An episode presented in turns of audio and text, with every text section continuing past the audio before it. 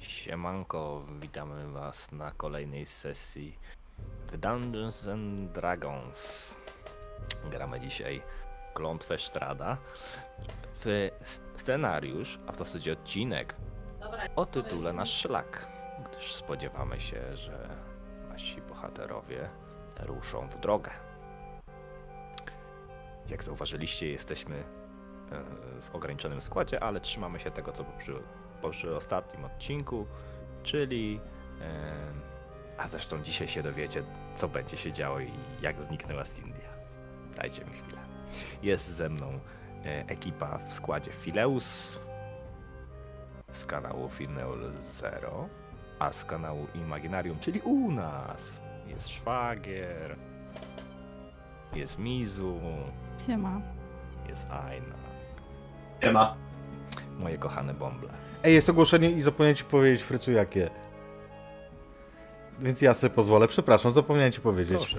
E, słuchajcie, czaty, na Twitchu, jeżeli wpiszecie sobie wykrzyknik WOŚP, e, to macie już em, link do naszej puszeczki wośpowej. Jakbyście mieli ochotę. Przypominam, że rywalizujemy w tym roku z RPGówkiem, łącznie z finałem, gdzie robimy dwa duże, e, dwa duże maratony RPG i w takiej symbolicznej, towarzyskiej, przyjacielskiej rywalizacji zobaczymy, kto skopie se psie dupy bardziej. A ja prowadzę sesję na Lajkoniku, który gra sesję dla woźpów w kawiarni Reliech w Krakowie. To daleko, nie? Od ciebie. Eee, tam daleko. Czymże jest droga z Łodzi do Krakowa w skali wszechświata? W dobrej sprawie. Widzisz? I to jest, i to, że tak powiedziałeś, to znaczy, że poprawiły się drogi w Polsce, nie? To nie drogi, myślę, że raczej wybrał kolej. Prawdopodobnie Raczej tak.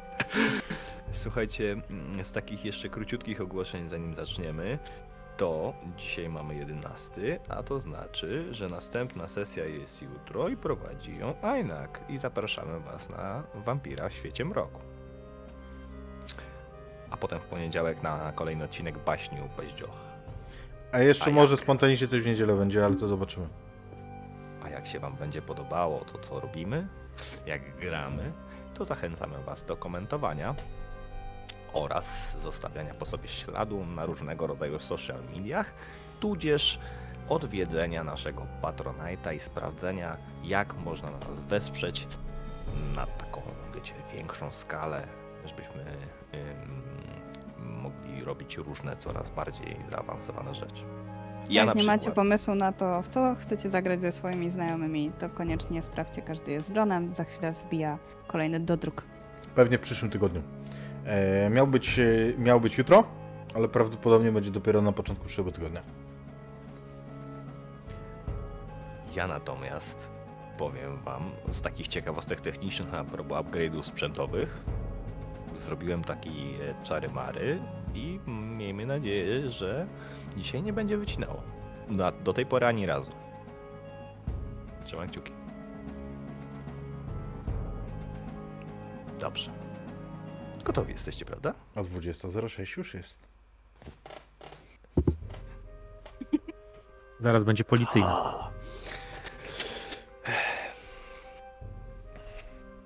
Tylko chyba jednak rozmyśliłem się z tej muzyki. Chciałbym taką.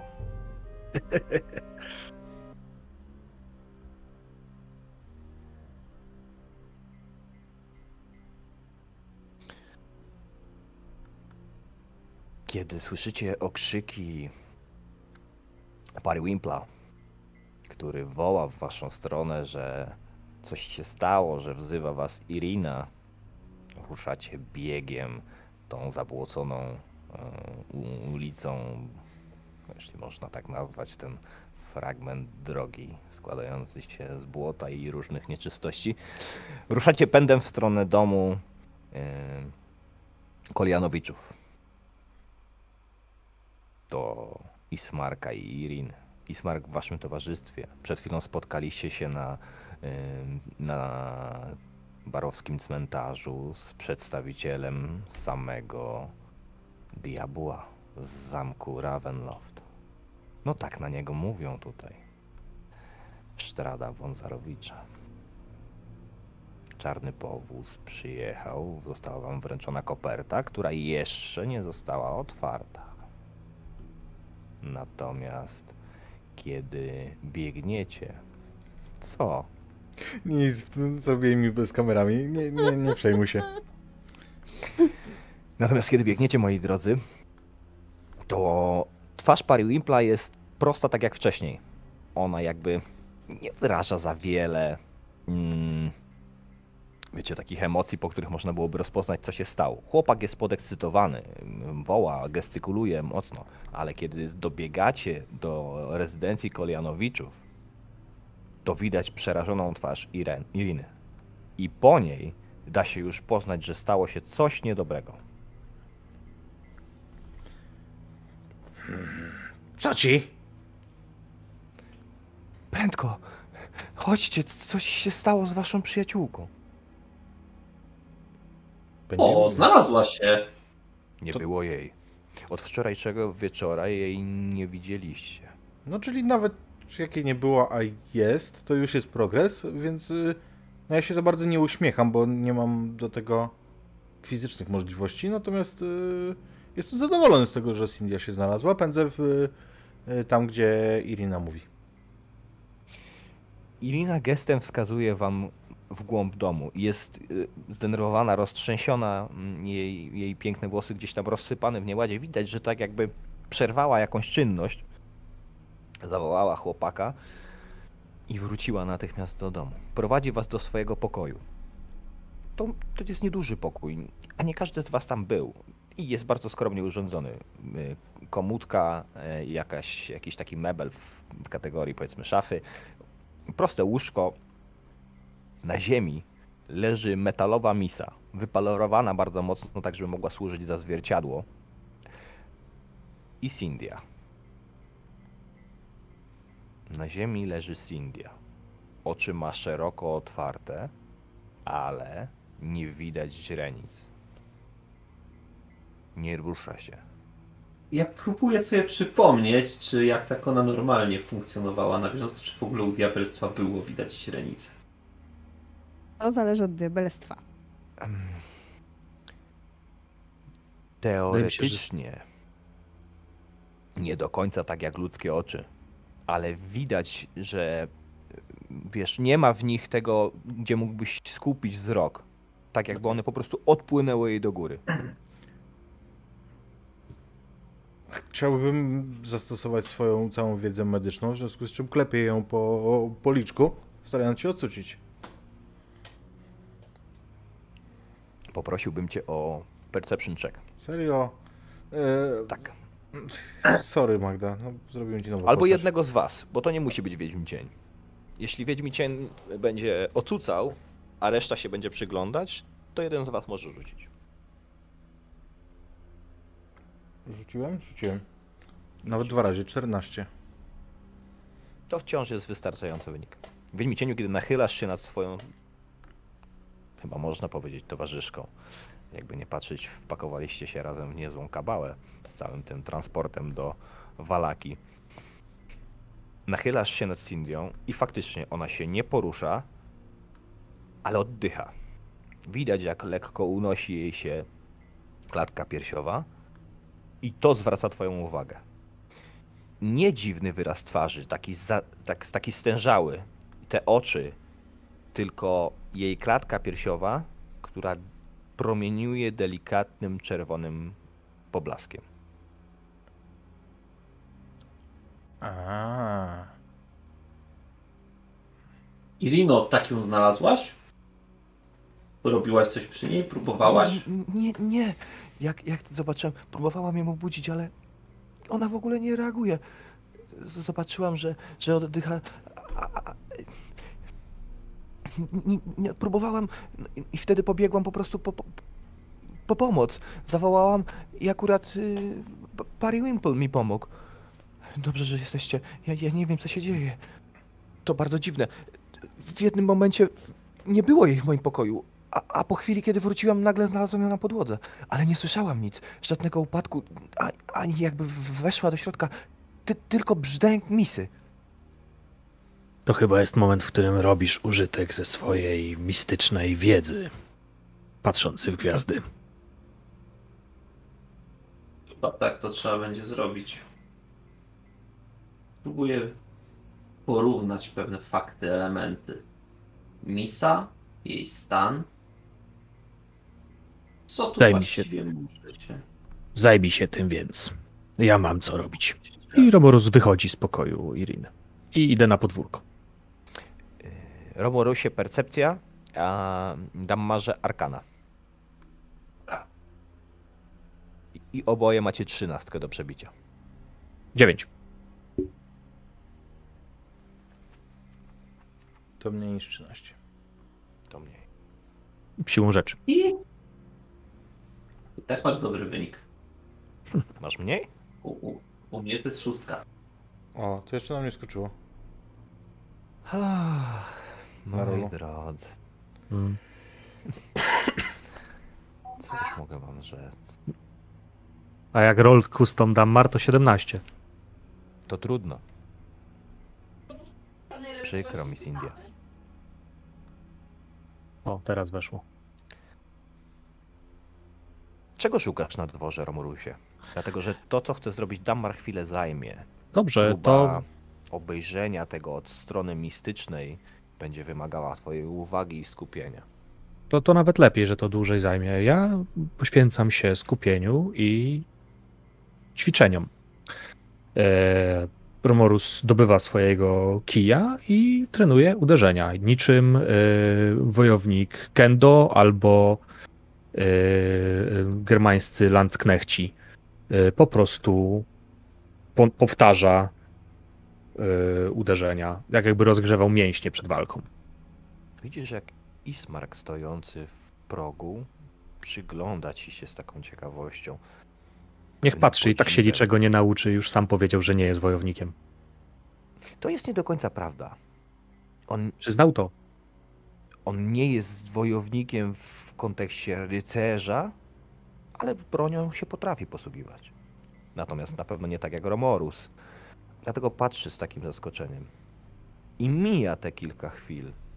Wiedźmi cień próbuje docucić um, Cindię. Dammar próbuje zrozumieć, co się stało. Ale ty, Dammarze, nic nie widzisz. Misa jest tylko misą. Ona leży faktycznie, jakby była w jakimś dziwnym, nieznanym ci stanie. Może przypominać to jakiegoś rodzaju katatonię czy medytację, którą czasami się wprowadzają magowie, kapłani czy czarnoksiężnicy. Ja myślę, że żeby dodać taki element od siebie, tak spoglądam w górę, pomimo, że tam jest trop, tam jest sufit, tam jest wszystko, co przesłania. Mam wrażenie, że gwiazdy opuszczają to miejsce. Gwiazdy już dawno je opuściły, Dammarze, tylko ty musisz się o tym jeszcze przekonać. Wiedźmi cię śledzi za, za twój wzrok. To jest pleśń. Komentarz? Wiedźmi cieniu, Sufit. widzisz, kierując wzrok do góry, idąc wzrokiem za Dammarem, jak belki na suficie, one są w dobrym jeszcze stanie. To jest porządna robota. Delikatnie połyskują czerwienią. Nie było tak przed chwilą. Połyskują czerwienią, a ty, Dammarze, jakby nagle czujesz falę gorąca i twoją twarz oświetla czerwone światło. No jest. Nagle. W takim uderzeniu po prostu dopada cię czerwone światło. I wtedy zaczynają dziać się dziwne rzeczy. Wtedy nagle Cindia zaczyna się delikatnie trząść, a ty z zewnątrz słyszysz okrzyk. Bo Romorus, Romorus się orientuje, że dłuższą chwilę już ćwiczysz. Mhm. No czyli rozgrzeweczka zaliczona pewnie, wiesz, granie. Nie ma Samaela. Teraz on zniknął.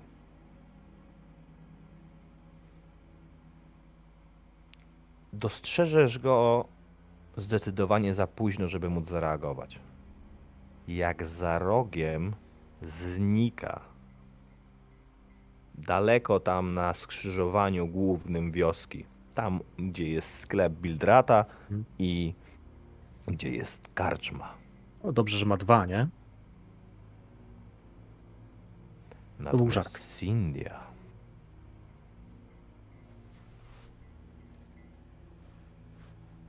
Sindia. To trudno do określenia w czasie. Masz wrażenie, że że trochę jakbyś nagle straciła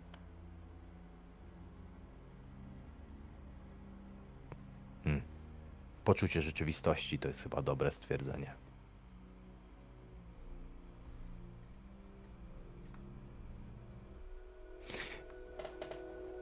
Najbliższe skojarzenie to będzie ta wizja Sindio.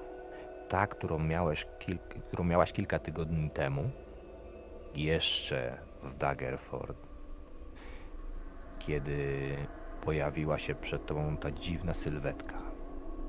Kiedy zwróciła się do ciebie w specyficzny sposób, kiedy otworzyłaś oczy i zobaczyłaś wokół siebie cienie, to pierwszy na myśl przyszedł ci twój Bóg, twoje bóstwo. Ale coś było nie tak. Dopiero po chwili zobaczyłaś rozmyte kształty i przyszło skojarzenie z tą sylwetką, więc czekałaś. Czy znowu do ciebie przyjdzie? Ale nie przyszła. Pokaż się! No już, wychodź! I słyszysz, słyszysz głosy, tak jakby były za grubym murem. Jakbyś właśnie po raz kolejny w Daggerford podkradała się do Ceckhouse'u straży i słyszała rozmowy strażników z za bardzo grubego muru. Urwane, przytłumione, tak jakby echem. Potem gdzieś jest słychać dźwięk parskających koni i kopyt, a ty się orientujesz, że stoisz w domu Kolianowiczów. W pokoju, tylko nie wiesz którym, bo wszystkie ściany są rozmyte. Wszystko jest pokryte taką szarością, nawet nie mgłą, tylko tak jakbyś. Tak jakby cię tutaj nie było. Miałaś Jest jakiś element tego otoczenia, który jest ostrzejszy, który bardziej widać? Misa. Ale ty wiesz dlaczego, prawda? Podchodzę do Ale niej. nie słyszysz głosu. Nie ma żadnego sygnału. Nie ma go tutaj. Wszystko jest rozmyte. Czy jestem w stanie dotknąć te rzeczy, czy jedynie misa? Nie jesteś. Nawet misy nie jesteś w stanie dotknąć. Kiedy próbujesz to zrobić, czujesz przeraźliwy chłód, lodowaty, który wstępuje na twoją dłoń, która przecież jest przyzwyczajona do raczej wysokich temperatur, do gorąca. Tak jakby szron pokrył ci palce, ale twoja dłoń nie jest w stanie niczego dotknąć. I poproszę cię teraz o Arcane Check na poziomie 16.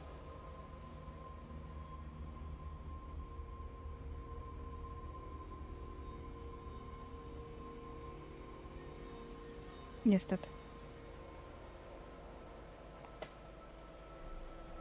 Pojawia się taka igła. Ukłucie jak sopel strachu, że nie masz pojęcia co się dzieje. Jedyne co ci przychodzi do głowy to, że nie jest za to odpowiedzialny twoje bóstwo. Bo już dawno by się odezwało, dało ci jakiś znak, sygnał, a mijają kolejne minuty. Nawet trudno jest ci powiedzieć, czy minęło ich naście, czy dziesiąt. A ty Panie Poranka? kompletnie sama. To ty? i nikt ci nie odpowiada. Ale słyszysz te szepczące głosy, tak jakby z ściany, z za grubego muru. Słyszysz konie. Możesz stąd wyjść. Tutaj Właśnie są chciałam drzwi. powiedzieć, wychodzę w ogóle z tego pomieszczenia. Nieważne, czy te drzwi jestem w stanie dotknąć, czy nie. Jeśli nie, to przechodzę przez nie pewnie jak duch. To obrzydliwe uczucie. Tak jakbyś wyszła na lodowatą wichurę i kły zimna po prostu przeniknęły cię do wnętrza. Całe ciało napina się w takim skurczu od, zimne, od zimna, a ty przechodzisz przez drzwi i jesteś po drugiej stronie. Trzymam oburącz swoje ramiona, trzęsę się, ale rozglądam się, szukam tych koni, tych strażników. Jesteś w budynku, w korytarzu. Orientujesz się, co to za pokój, ale tylko dlatego, że byłaś w nim. A jesteś w stanie stwierdzić, że to dom Kolianowiczów nie dlatego, że coś wydaje ci się podobne, tylko że to ostatnie miejsce, które pamiętasz. I możesz się mylić. Zmierzam do kuchni, do tej małej jadalni, w której Irmina przygotowywała posiłek. Czegokolwiek nie dotkniesz, jest lodowato zimne i nie jesteś w stanie tego złapać. Nie jesteś w stanie tego chwycić, przesunąć, popchnąć, ale to lodowate zimno zaczyna sprawiać ból, jest nieprzyjemne. Więc kiedy wpadasz na nieduży stołek, potem na stół, bo nie, nie, nie da się nawigować w, w takim rozmyciu. To są tylko jakieś bure plamy, tak jakby wszystko było pociągnięte zaklęciem maskującym, jakby było obleczone cieniem. I wtedy słyszysz trochę wyraźniej głos. Teraz to jest chyba głos kobiety. Tutaj, w tym pokoju. To jest głos Iriny. Irina, słyszysz mnie? Nie ma żadnej reakcji. Jesteś tutaj sama. Tak, jestem sama. To jeszcze raz chciałabym zbadać to miejsce. Być może jest tutaj coś, co się ukrywa normalnie w naszym realnym, rzeczywistym, namacalnym świecie. A być może jest e, tutaj właśnie coś, co tylko tu będzie widoczne. I ja tego szukam. Wiem, że jest tutaj zimno, cholernie lodowato zimno. Ale ja cofam się do tych moich diabelskich zdolności, do tego ognia w sobie. Nie wywołuję go w żaden sposób, ale myślę o nim. Wierzę, że jak się na nim skupię, to on we mnie będzie.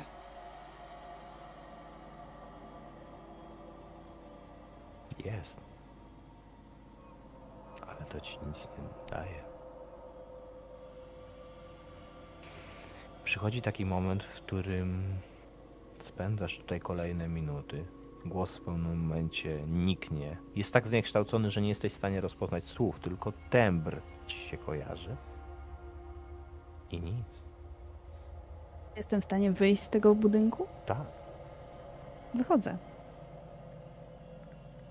Tak jak wcześniej mówiłam, szukam tych koni, tych strażników.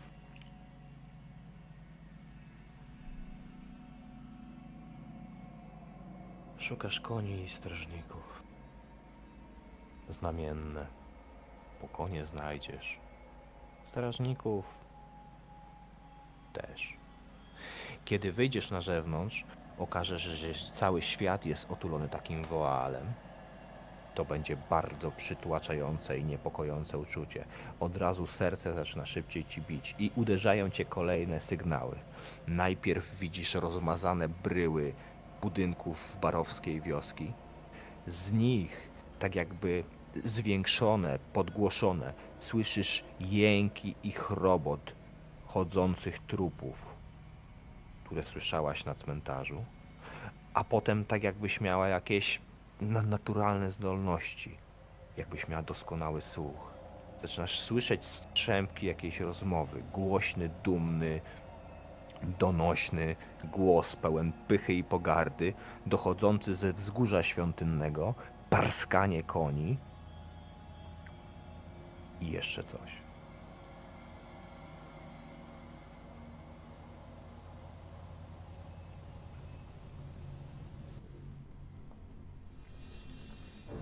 Zerkając w tamtą stronę, widzisz, jak na wzgórzu, mimo że to jest kawałek, teoretycznie domy powinny ci zasłaniać, ale tak jak mówię, to nie rzeczywistość i tego jesteś pewna. Choć nie masz pojęcia co to, to widzisz na wzgórzu przy cmentarzu ogromny czarny kształt. Stamtąd dochodzi parskanie koni, ale ty widzisz jeszcze dalej.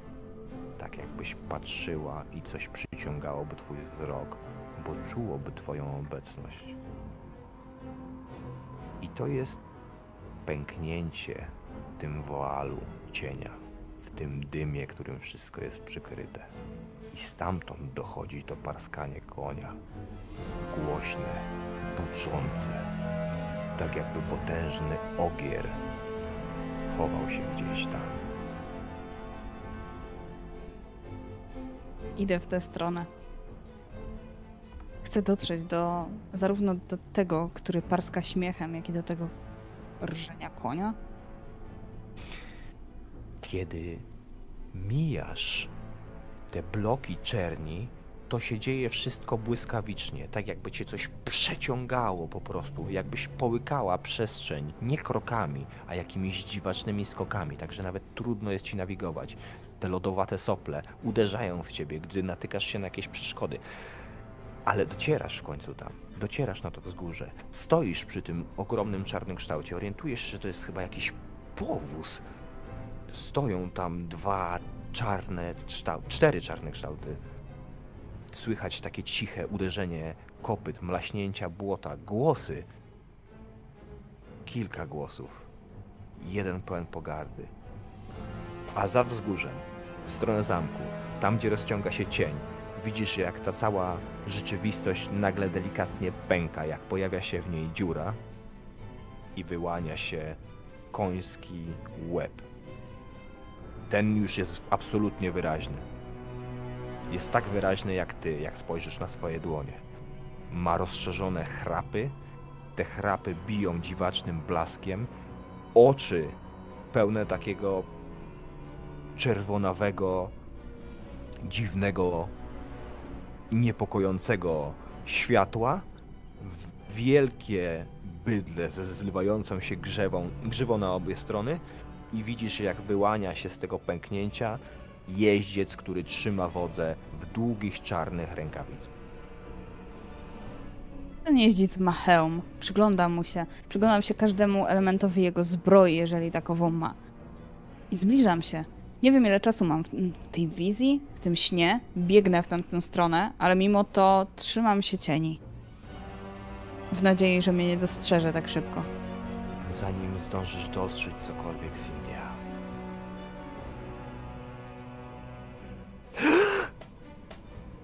Sufit. Dammar. Wiedźmi cień. Nie ma już tej ciemności, nie ma tego woalu, nie ma tego jeźdźca. A ty tu jest tylko gorąco na klatce piersiowej. Łapię się za klatkę piersiową. Obudziliście mnie. Nie śpi, nie śpi! Nie śpi już! Już dzień. Mam dla ciebie niepokojącą wiadomość. To nie my cię obudziliśmy. Obudziła się tak nagle, że aż podskoczyliście. Z głośnym haustem powietrza, jakby nie oddychała w ogóle. Zerwała się takim wyciągającym klatkę piersiową do góry łukiem. Pamiętasz to, co się stało? Pamiętasz to, co widziałaś? I ten koń. I te dłonie. Ja zerkam na swoje dłonie. Miażdżącej ze wszystkich stron potęgi i strachu. Ostatnie, co zapamiętałaś. Tak jakby, wiesz, włosy na karku się podniosły. Takie wrażenie. Z takim wrażeniem się obudziłaś. Spojrzałaś na Dammara i pierwsze, o czym pomyślałaś, to jest strach.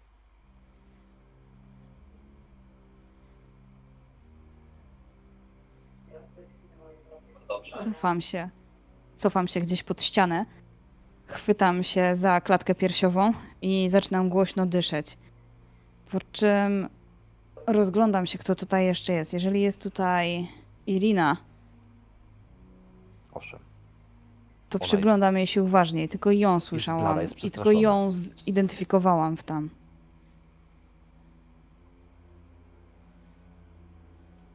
Dam może Co to było? Co to było? Opowiedz się.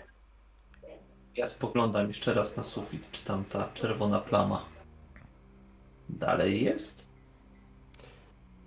Nie. Ona błysnęła tylko i chwilę później Cindia się obudziła. Wiesz, co się stało. To nie jest trudne do wnioskowania, bo jak tylko się odwróciłeś, jakby twój wzrok został znaleziony przez gwałtowny ruch. Klatka piersiowa Cindy. Tam, gdzie teraz się dotyka, to stamtąd był ten blask. A kiedy ona usiadła, odsunęła się, to on nagle przesunął się po prostu, tak jakbyś świecącym jakimś mm, magicznym kamieniem po prostu machnął po pokoju. Świecącym magicznym kamieniem. To ciekawy dobór słów.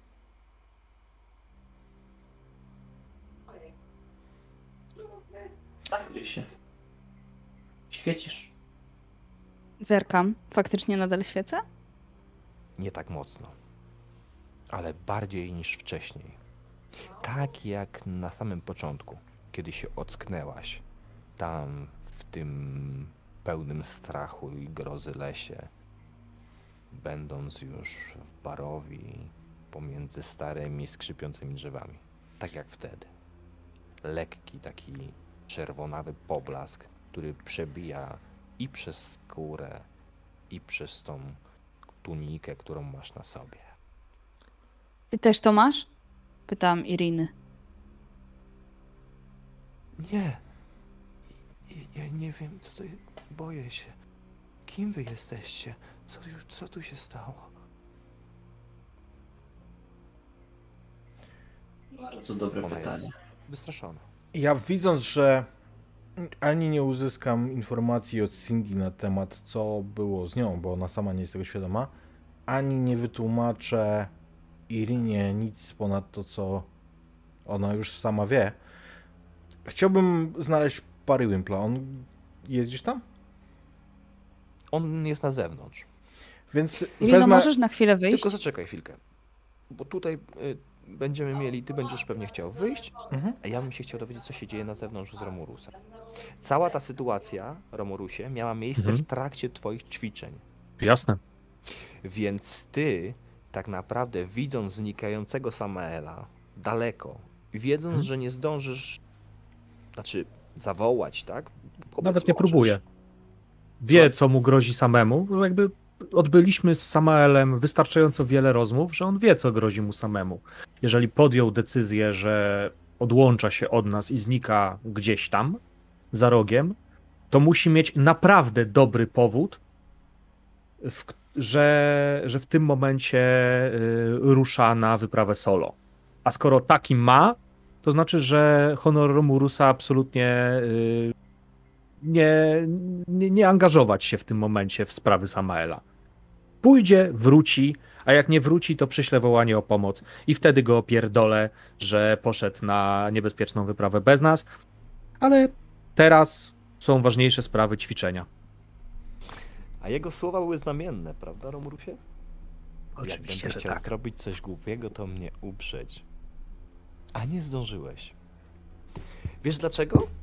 Wiesz dlaczego od razu wiesz, że to jest coś głupiego? I dlaczego Pokochaj. masz to poczucie, że jesteś spóźniony? Bo jestem doskonałym łowcą. Gdybym nie był, Nie, to bym takich rzeczek nie wiedział. Bo słyszysz okrzyki.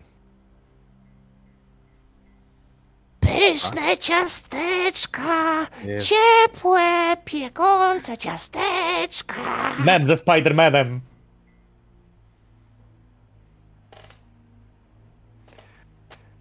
I wtedy w drzwiach pojawia się ponownie Ismark. E, chodźcie, panie! Coś się dzieje dziwnego! Obudziła się!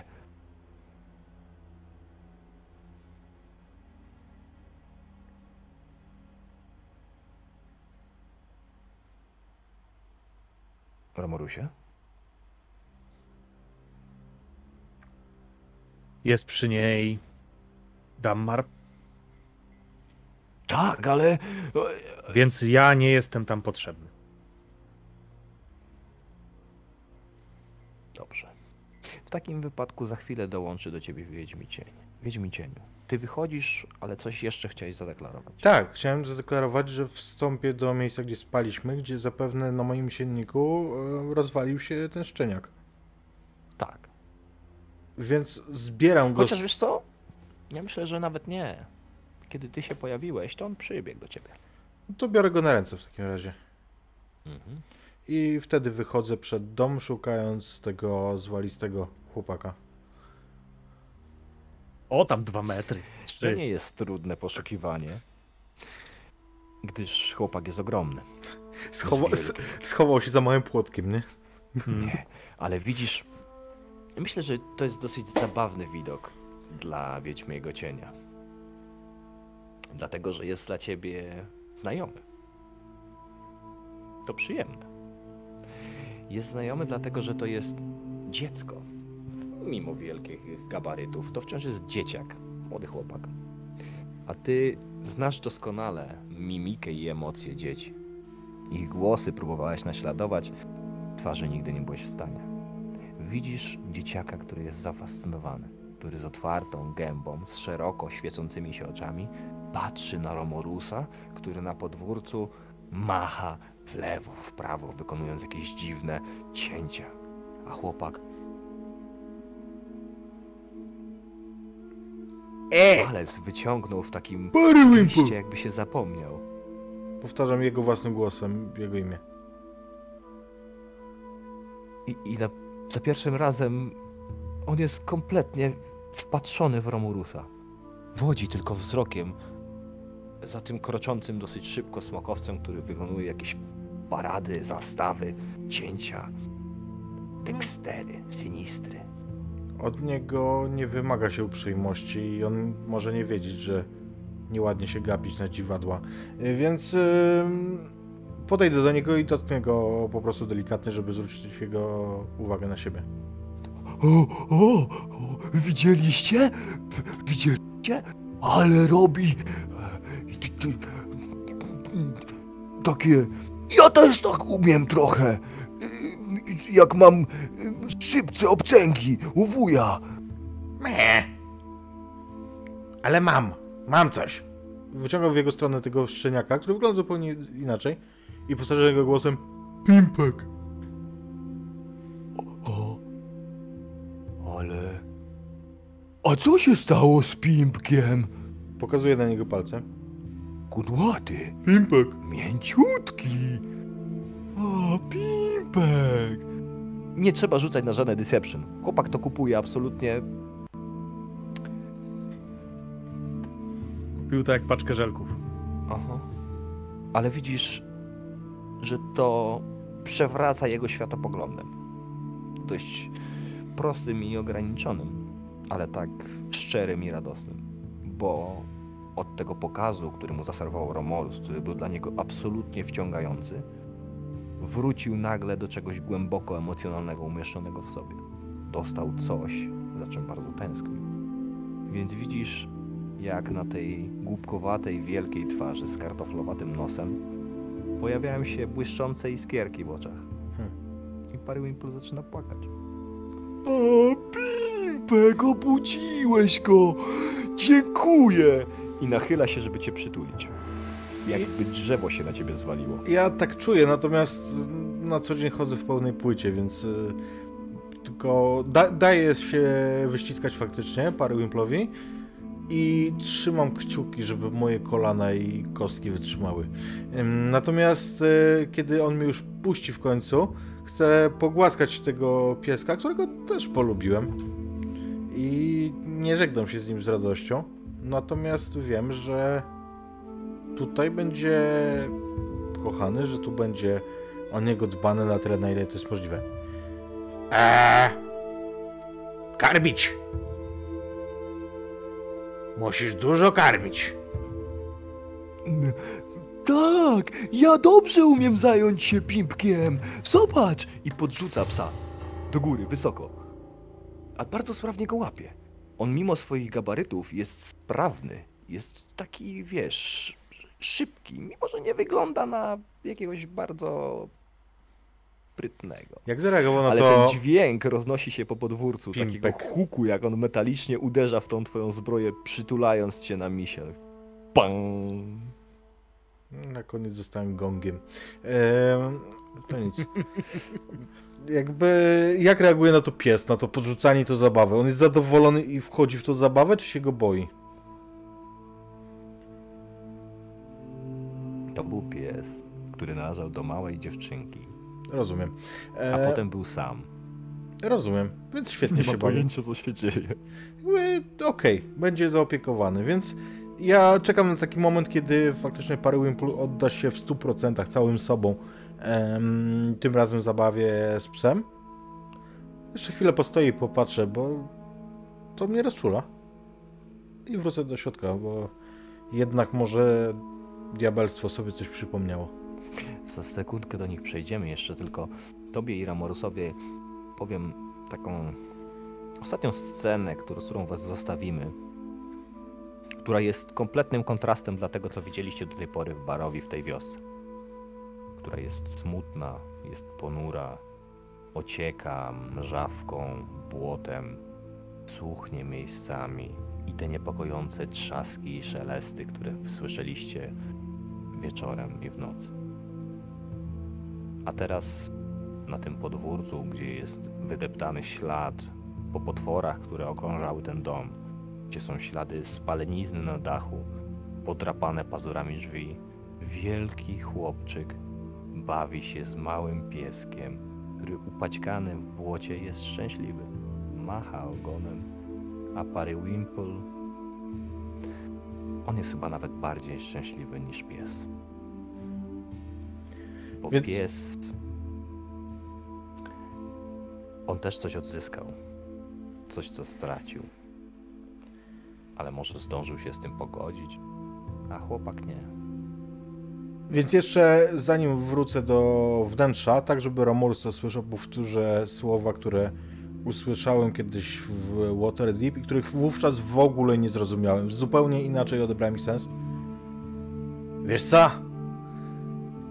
Są takie rzeczy, o które warto walczyć. Bo kurwa po prostu tak trzeba, wiesz? Wydaje mi się, że y, no, jak mówisz to na głos. Mówię też, to na głos, y, jakby do, na tyle donosi głos, żebyś ty to słyszał, bo wiem, Tak, że tak, tak, właśnie sobą, mów- nie? Właśnie mówię nie kryjąc się i nie, nie, nie, wycho- nie wychodzę kompletnie z gdzieś tam rutyny machania kijem, w, w, którą, w którą wszedłem.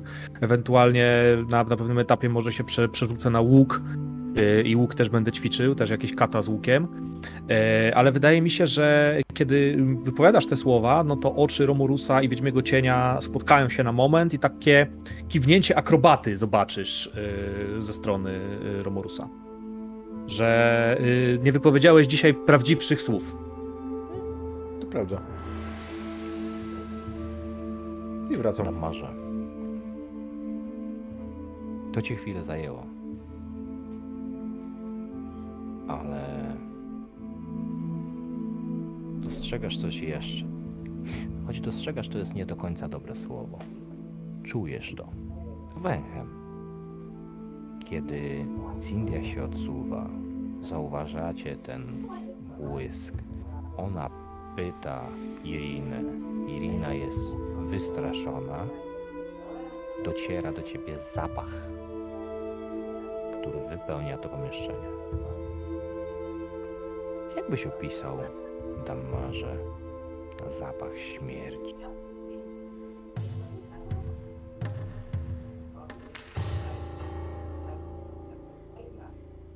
zapach kwiatów. Taki bardzo intensywny, jakby w ostatnim wyrzucie. Jak potrafią żywe organizmy wydać z siebie, wiedząc, że nadchodzi ich koniec, w takim jakby ostatnim rzucie adrenaliny, emocji, woli walki, woli życia. Bardzo intensywny i jakby się miał nagle uciąć. Nagle te wszystkie zapachy mogą stawać się bardzo intensywne. Drewno, pleśń, wszystko. Wypełnia Dochodzi, to a ale chyba oprócz tego zapachu przychodzi drugi element, takie poczucie, że nie jesteśmy tu sami, że coś jest, patrzy, widzi. Damar zaczyna się nagle rozglądać. Widzisz, Sindio, że tak jak Irina być może była chwilą w jakiejś formie paniki czy czymś takim, tak teraz Damar zdecydowanie Irina je- wyszła? Nie, stoi przy drzwiach. Ja, znaczy ja ją wcześniej poprosiłam o to, żeby wyszła. Nadal stoi, Ona tak? zamarła, Cynthia. Ona y,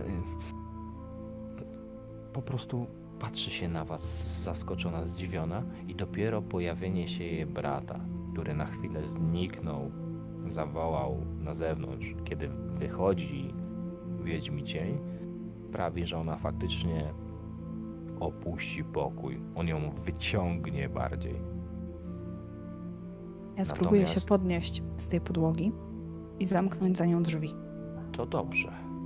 Bo Ja to tylko pomoże Dammarowi zorientować się w tym, że cokolwiek Dammarze czujesz, jakąkolwiek obecność, która cię obserwuje, ona pochodzi od tej kobiety, która stoi przed tobą, od tego diabelstwa, bo tu nikogo innego nie ma, a zapach też pochodzi od niej. Jedyne, co ja dorzucię do, cie- do, do, do tego opisu, to ten zapach jest starożytny. Jak taki zatęchły kurz. Tak jakby od setek lat, tysięcy lat wisiał w powietrzu. Starożytny czy przedwieczny? Nie, starożytny. Dobra. Jak Ja- zamknę ze drzwi, odwracam się. Słuchaj, i Poczekaj, słuchaj uważnie. poczekaj. To, co teraz zrobię, wydać się bardzo, ale to bardzo dziwne. Ale muszę cię obwąchać. Jesteś pewien? Cynthia, Tak, jestem ten zapach też czujesz. On wypełnia pomieszczenie. Tylko wiesz, trudniej jest trochę go wyczuć na sobie. Po prostu Tak. go czujesz dookoła siebie. Ja chcę po prostu sprawdzić jedną teorię. Jeżeli to światło wydostawało się z kamienia, to chcę po prostu porównać. Wy też Na przecież je ile? macie. No ciężko się nachylić, ale pozwól, bo muszę po prostu sprawdzić na ile to co mamy, te kamienie są źródłem, bo mam wręcz wrażenie, jakby tutaj z nami stała sama śmierć. Po prostu Nie bójmy się komy... No, przepraszam. bo się, bo się boję, aż Tylko spróbuj coś zrobić. nawet nie będę próbował. I ja jestem gotowa użyć zaklęcia. Jak tylko bójmy coś się. faktycznie. Comic Reliefów. On się sam nasuwa. Kiedyśmy spojrzeli przez okno do tego pomieszczenia. To jest Ja to myślę, że zaraz scena. Cień przyjdzie. Diabelstwo stoi, a ym, nasz drogi Dammar nachyla się prosto między twoje piersi, bo inaczej nie da się odnaleźć tego kryształu. Powiedz, powiedz, że to jest ten moment, kiedy wchodzę. Dlaczego nie? Niech tak będzie. I ja Drzwi stanę... się lekko uchylają, wsuwa się czarny dziób, a ty, Dammarze, żeby nie zostawić cię z niczym po tak heroicznej próbie, ten zapach nie pochodzi z kamienia. Ona tak pachnie. Jej ubrania, włosy. To nie sam kamień. Wiedźmi cieniu. I nie zwracając nawet uwagi na to, że on wszedł, bo pewnie słyszałem nawet skrzypienie, ale jestem na tyle skupiony na samej czynności. Nie. Również ubrania. Również ty sama. Pachniesz. Śmie- śmiercią. Wcale się nie dziwię. Że byłaś Byłam martwa. gdzie indziej. Słucham? Czy byłaś martwa? Nie. Chyba. Nie wiem. Chwytam się. Ja mam serce, prawda? Czuję ale to bicie. jest niepokojąca myśl, że nie wiesz. Naprawdę jest. Nie wiesz, gdzie byłaś, jak długo, co się stało, co robiłaś i dlaczego wróciłaś. I to jest najgorsze. I w takim Bo razie widzisz w moich oczach najpierw tą taką pewność, a potem zwątpienie i zatracenie się w tym zwątpieniu. Moje oczy zaczynają szukać różnych rzeczy wokół, szukać potwierdzenia, że. że żyję.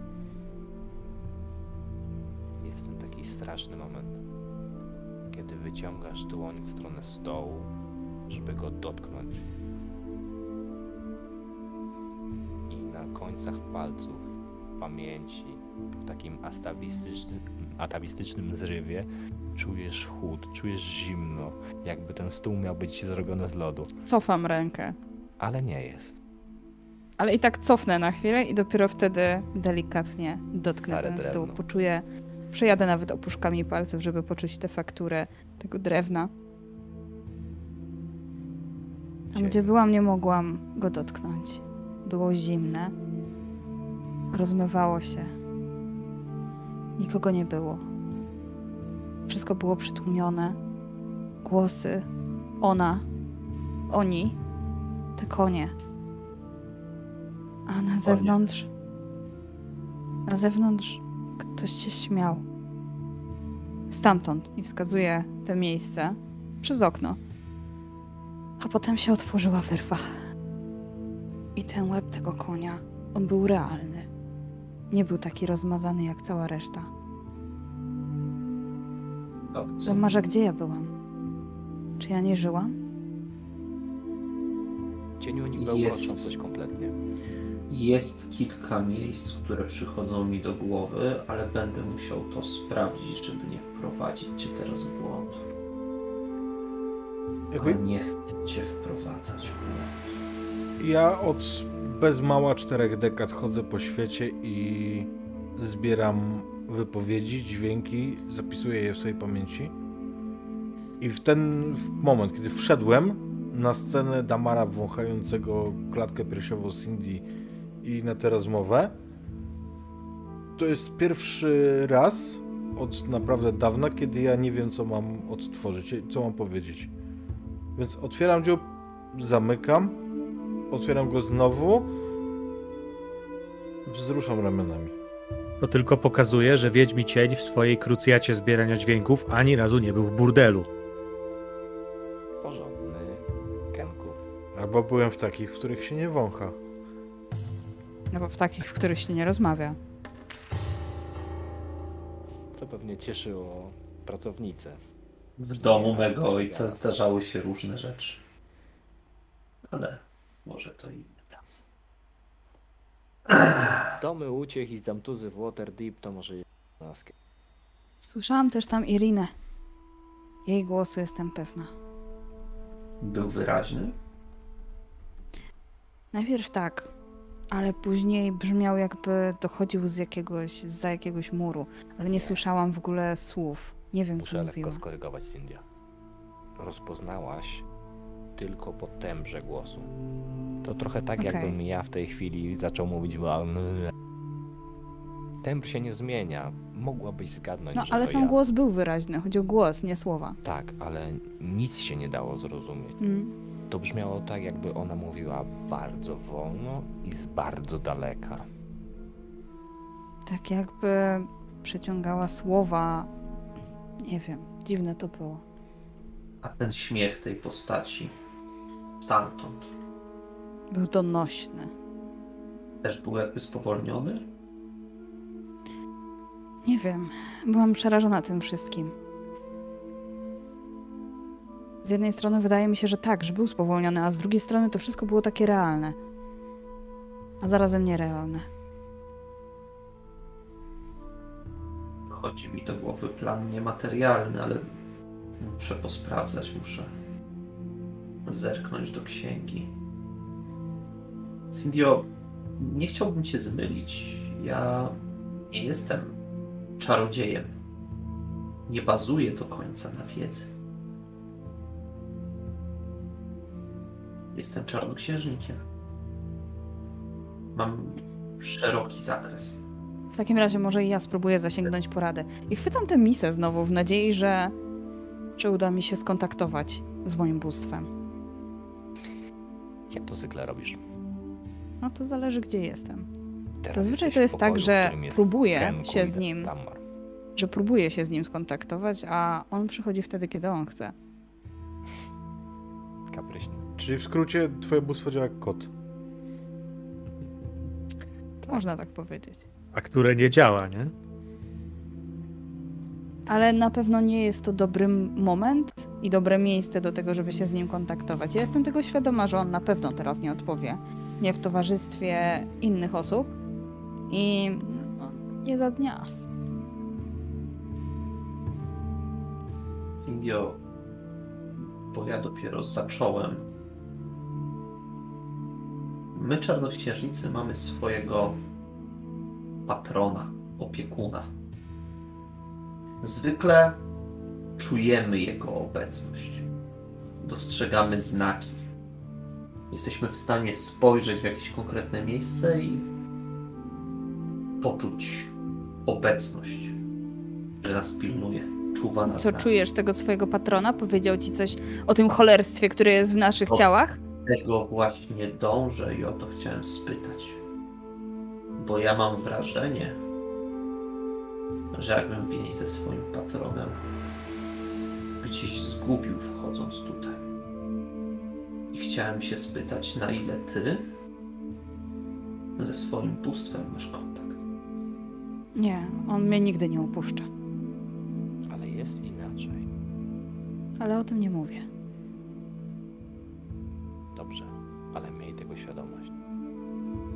Bo to może nie do Dobrze. końca wybrzmieć nam ze wszystkich opisów, dlatego że nie mamy tła, Mhm. ale Cindy o tym wie, że jest inaczej. W takim razie powiedziałam to, ale usłyszałeś zawahanie w głosie. To dobrze wiedzieć, w takim wypadku ja jeszcze podejmę kilka prób kontaktu, bo może faktycznie coś. Coś zrobiłem nie tak. Dobrze. Czy ty też się czujesz inaczej? Zwracam się tutaj do Wiedźmiego Cienia. Mm, Lekko wzruszony. nie. I dalej jestem taki w takim stanie właśnie. Ja dalej nie wiem, jak mam skomentować to, co tu zaszło. Więc skomentuję to tak, jak chciałbym mówić. Tak jak mówił ten, na którym się troszkę wzoruję, więc my. Hmm. Pora nam w drogę, na szlak, drużyno. Ja nie wiem, czy Idźmy. tylko Irina teraz będzie chciała z nami iść. Może poza tym felernym miastem, dalej od góry. To jest jakiś pomysł. Nad jezioro. To mówię głosem Ismarka, bo przed chwilą mówił o jeziorze. Poczekajcie. Oni tutaj nie bardzo kojarzą inne istoty niż ludzie. Wciśnijmy je po prostu, kit, że my diabelstwa tak mamy. Niech się nie stresuje za bardzo, bo możemy mieć, możemy mieć problemy przez to.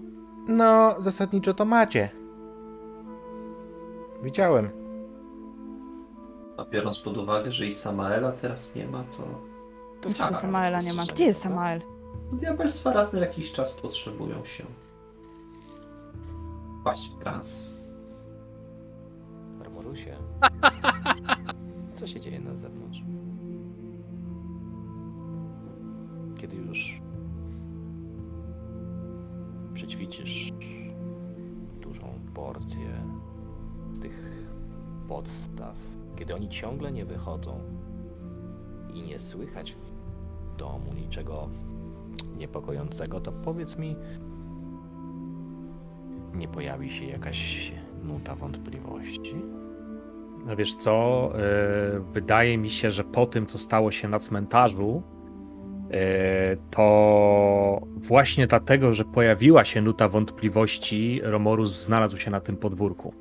on jest teraz w pełnym stanie Malsak Ganok, y, czyli w smoczym języku nie jestem wystarczająco wielki.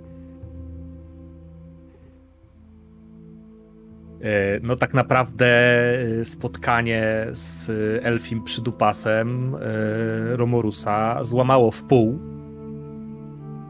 i on w ten sposób sobie z tym próbuje radzić poprzez doprowadzenie swojej woli z powrotem e, do mm, szczytowych możliwości.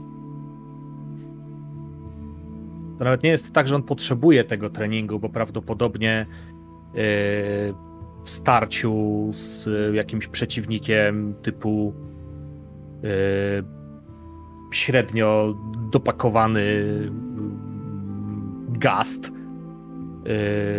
no to jego umiejętności nadal okazałyby się wystarczające, żeby bydle zabić, po, po, po, pokroić toporkiem i spalić. Yy, Ale to jest yy, Malsak Ganok i on musi to po prostu yy, przetrawić.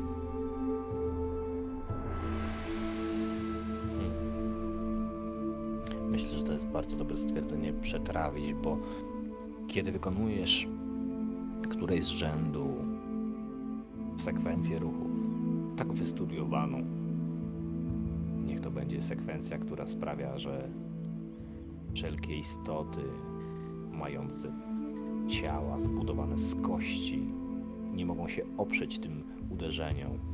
Uderza się inaczej niż te, które są obleczone tkanką zdajesz sobie sprawę, że to nie jest to, co cię powaliło na kolana. To, co cię powaliło na kolana, jest w twojej głowie, Marusia. To jest twoja przeszłość. Tak naprawdę ten elf nie zrobił nic poza pokazaniem ci tego, co masz w sercu. Może i dlatego e, bardzo zależy e, mi jako Romorusowi na tym, żeby zaprząc e, przeszłość do, do działania na moją korzyść. Skoro elf. Rahadin on był, z tego co pamiętam, Rahadin, tak. Rahadin. E, jest w stanie przywołać, e, by walczyła na jego korzyść, e, by walczył na jego korzyść krzyk jego ofiar, e, to Romorus e, chce przywołać, by walczył na jego korzyść e, krzyk jego bliskich. I najśmieszniejsze jest to, że ja mogę to zrobić, bo mam już dorzutkę z obrażeń psychicznych. Dobrze. Pewnie będziemy to wypróbowywać. Frycu, mruczysz dzisiaj. No, bo mu się to podoba. Jakby mu się nie podobało, to by nie mruczał. Na, w skali sesji y, z czatem cię pogłosiliśmy już o 40%, w skali sesji. A ty dalej schodzisz. Słuchajcie, no mogę zrobić tak. Powinno być dużo głośniej. No jest. Dobrze. Co będzie się działo z wami? Co będzie się działo z całą waszą czwórką? Ja będę naciskał, żeby brać Irinę pod pachę i wyruszać. Ja chcę nad jezioro za Walaki. Idziemy. Idziemy do Iryny i tłumaczymy, że diabelstwa tak mają. Że w pierwszej chwili nie rozpoznaliśmy stanu, ale teraz, droga Iryno, mamy już pewność. Diabelstwa czasem wpadają w taki stan, jakby migały trochę. Poproszę cię o Deception. 12. Mówisz Deception. I mówię okej. To skierujesz w stronę Iriny. Natomiast w stronę naszego Wiedźminie cienia, Wiedźmiego Cienia podejdzie Ismark, który oderwie się na chwilę od opieki nad siostrą. Widząc jak wchodzicie, widzisz zacięty wyraz na jego twarzy, ale kiedy Damar zacznie mówić, on... Prosiłeś o mapę. i podsunie ci pognieciony kawałek płótna, na którym została namalowana mapa okolicy. I chcę znaleźć na niej jezioro, faktycznie Walaki. Tylko jest jeden mały problem. Ta mapa jest niekompletna. Ona miała cztery części. Teraz jest tylko jedna. Widzisz, że krawędzie lewa i górna są obszarpane. Natomiast to, co dał ci Ismark, widzisz teraz na rolu,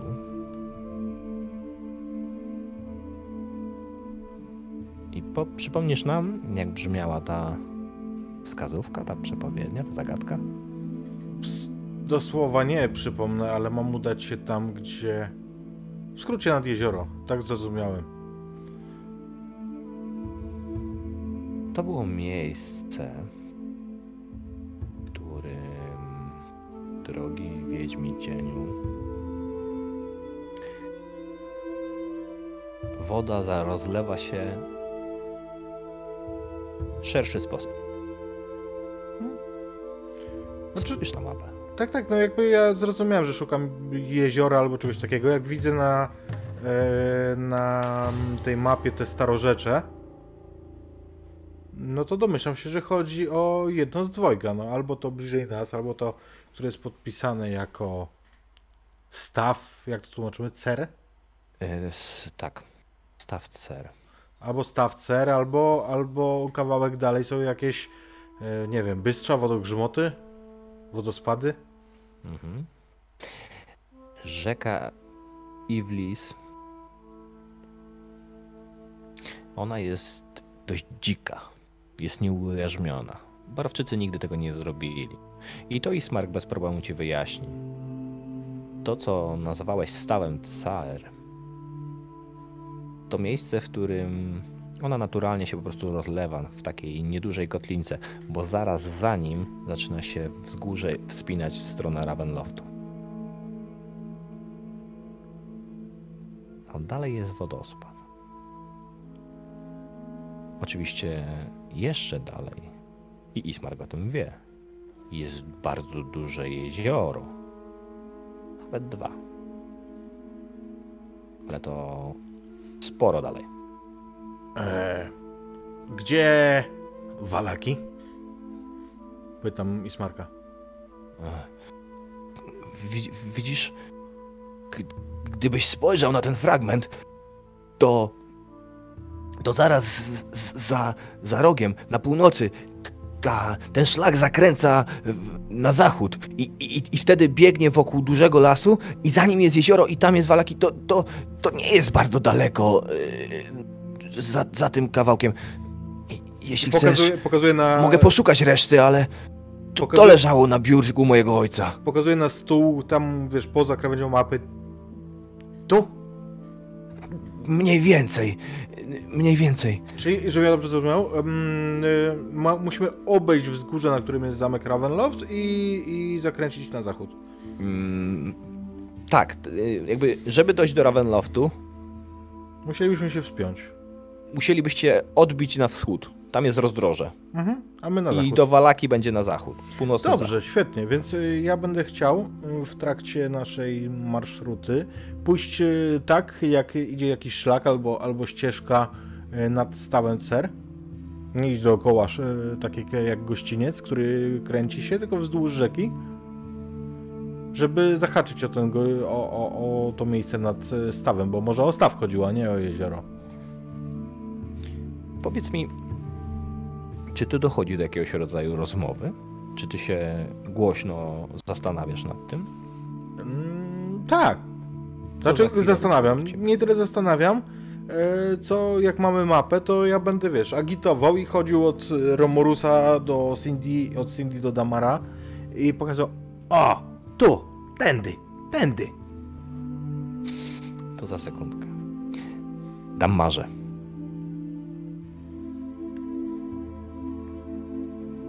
Irino, diabelstwa tak mają. Raz na jakiś czas muszą zniknąć, kontaktować 25. się ze swoim planem. Zobacz, że w tej chwili nie ma z nami Samaela. Prawdopodobnie tak samo jak ona dzisiaj wróci do nas w jutrzejszym. Tak to wygląda. W pierwszej chwili nie rozpoznałem faktycznie. Po tym, co się działo na cmentarzu, udało nam się pochować waszego ojca. Spoczywa w pokoju. Ja, ja, ja nie rozumiem. Przepraszam, wystraszyłam się, ale to, to nie jest. I widzisz nagle, jak jej oczy się zmieniają. Bo powiedziałeś coś, co w całym tym uniku, zwodzie, kłamstwie, oszustwie, które zastosowałeś, było prawdziwe. I było dla Iriny najważniejsze. Ona spogląda na swojego brata, który rozmawia z Wiedźmin Cieniem, wychylają się nad tą mapą, a potem spogląda na ciebie i na Cindię. Dziękuję. Nie ma za co. Zadbamy o was.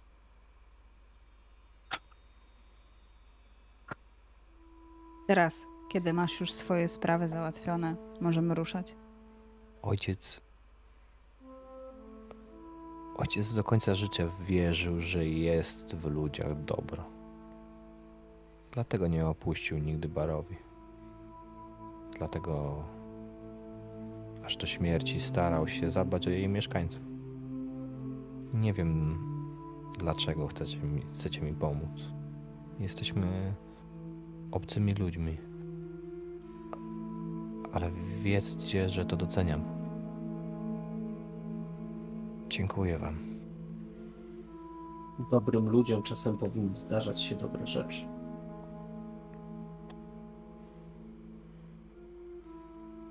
Jakbym No, miała delikatnie. tęczówki i źrenice, to byś widział, jak, jak nimi wywracam teraz. Ale Irina się uś- uśmiecha. Jej ten rodzaj odrobiny spokoju i takiego komfortu w trudnym czasie był bardzo potrze- potrzebny.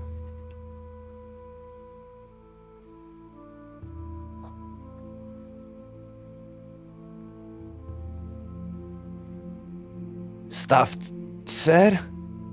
Tam chcecie iść, tamtędy? A, to- a po co chcecie tam skręcać? Pokazuje na ten główny szlak, który idzie dookoła. Daleko! Ale to, to dzika ścieżka, tam trudniej będzie przejść. Tu karocą zajadą. Jak Mówię, nawiązując do karocy, którą widzieliśmy dzisiaj, która tą drogą właśnie przyjechała. To? No tak, ale karoca na pewno by tamtędy nie przejechała. Hmm? Tędy nie.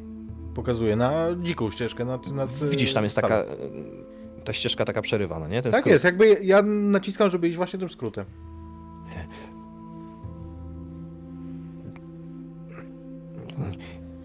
Widzisz, bo, bo to nie jest y, najgłupszy pomysł. Tam będziemy mieli się gdzie zatrzymać. A, My? a do wieczora powinniśmy dojść. My? I pokazuje na niego palcem z pytającym wzrokiem. Wy. Ja naprawdę chciałbym z wami iść. Ale ojciec całe życie wpajał mi do głowy odpowiedzialność, odpowiedzialność za tych ludzi. Więc nie mogę. Bardzo dobrze. Tak powinieneś, jeżeli chcesz być dobrym rajcą. Akurat o burmistrzach w Waterdeep przy mnie nie rozmawiali. Nie wiem, kim jest rajca, ale. Dziękuję. Cieniu. Musisz wstawać rano.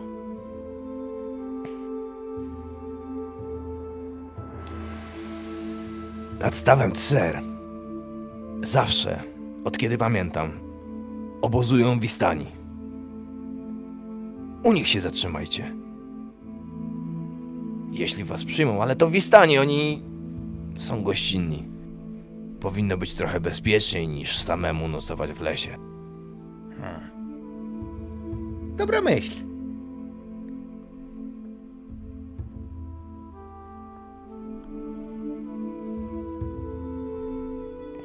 Irino. I na tym się urywa. Oni patrzą się na siebie z długa, taki długi moment, jak on ją mierzy wzrokiem, a potem po prostu padają sobie ramiona takim opiekuńczym gestem ją przytula. Widzicie, że w czasie, kiedy was nie było, ona już się przygotowała. Zebrała te swoje tobołki, ten, te zbroje. To wszystko jest gotowe do drogi. Nie ma tylko Romorusa, który z zacięciem na zewnątrz szlifuje swoje umiejętności, by stać się wielkim. Ja w razie co jeszcze szybko naskrobię notkę dla Samaela i zostawię ją u Ismarka. Z informacją, że wyruszyliśmy w, w stronę Walaki. Drogi są tylko dwie, tak naprawdę. I opisuję, którą drogę wybraliśmy. Nawet koślawo narysuję prototyp tej Chyba. mapki. Że Samael was nie dogoni, zanim nie dotrzecie do rozdroża. Wtedy mógłby się pomylić. Ech. No dobrze. Co dalej? Ruszacie? Idziecie po Romurusa? Zabieracie Irinę? Ja rozumiem, jest że Romulus jest na jeszcze zewnątrz Ja chcę- zupełnie, tak? ja chcę wy... Wyobrażam sobie. No mów, mów, szpagier. Chciałbym wyruszać i y, kiedy, jeżeli Romorus dalej będzie trenował, to chciałbym y, takiego uderzenie tym kijem po prostu sparować swoim mieczem, tak żeby, żeby przerwać mu ten trening. Ja wyobrażam to sobie tak, że no, jeżeli dom m, Kolionowiczów ma front, na którym jest ganek, który jest od strony ulicy, no to ma też tył, gdzie mają podwórko i na tym podwórku Romorus macha kijem, tudzież łamane na strzela z łuku. Do czegoś, nie wiem, do kija, Mhm. do widm przeszłości. Więc e, jeżeli e, Wiedźmi Cień tam wychodzi i w pewnym momencie nadstawia swój miecz na, to, na to uderzenie, e, czujesz nacisk, Będzie się ze mną siłował? Szedłeś. Wiesz co, na, to jest tak, tak naprawdę nacisk, który y, z, z, y, os- osłabia się po, po, po pewnej czasie. Tak naprawdę no to bardziej siłą, siłą rozpędu Mhm. y, ten nacisk poczułeś, zanim po prostu Romorus mięśnie zluzował przed kolejnym jakimś tam wymachem w tym, w tym kata, które tutaj uskutecznia. Przyszedłeś również trenować, kruczy rycerzu? Na szlak, dzielny panie. Droga nas wzywa. Ahoj, przygodo. A rzekł mi kiedyś jeden podróżnik, że przed wyruszeniem w drogę należy zebrać drużynę. Nie ma Samaela. Wyszedł. Nie wiem kiedy wróci, nie mówił nikomu. Dogoni nas. Lub umrze. Lub umrze. Powtarzam głosem Romurusa. Zgadzając się.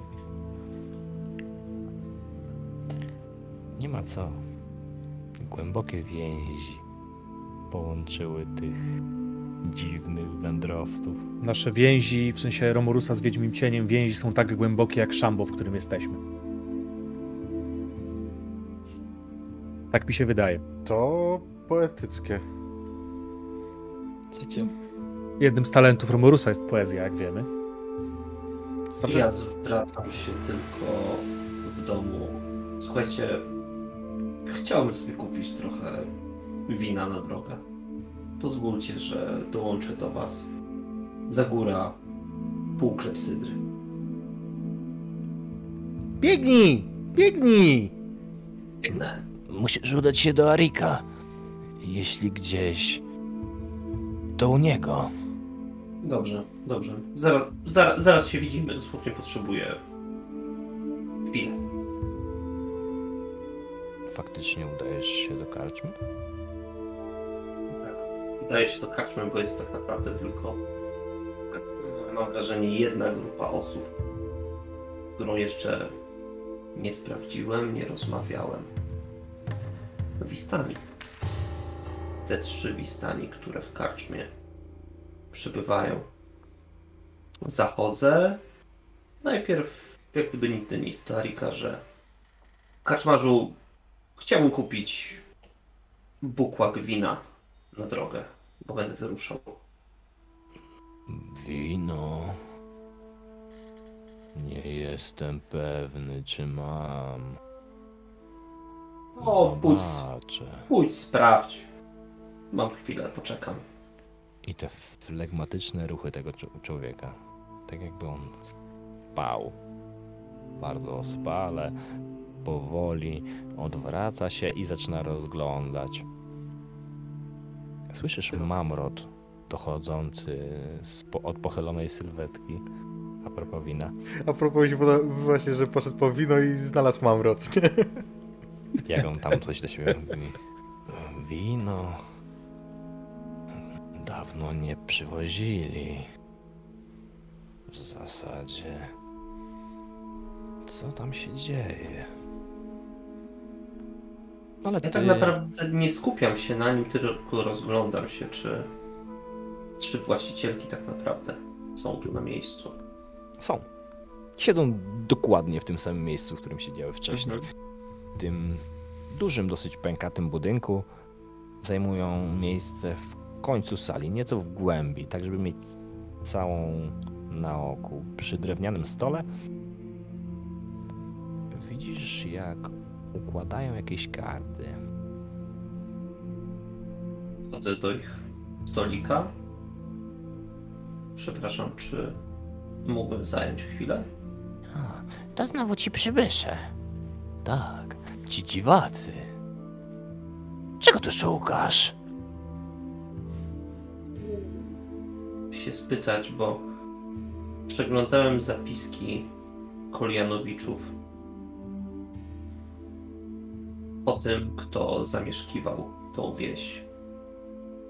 I nigdzie nie natrafiłem na wzmiankę choćby o osobie, która wiem, że z mniej więcej z tych terenów pochodzi. Może wy kojarzycie kogoś o imieniu Eranika. Ha? Eranika?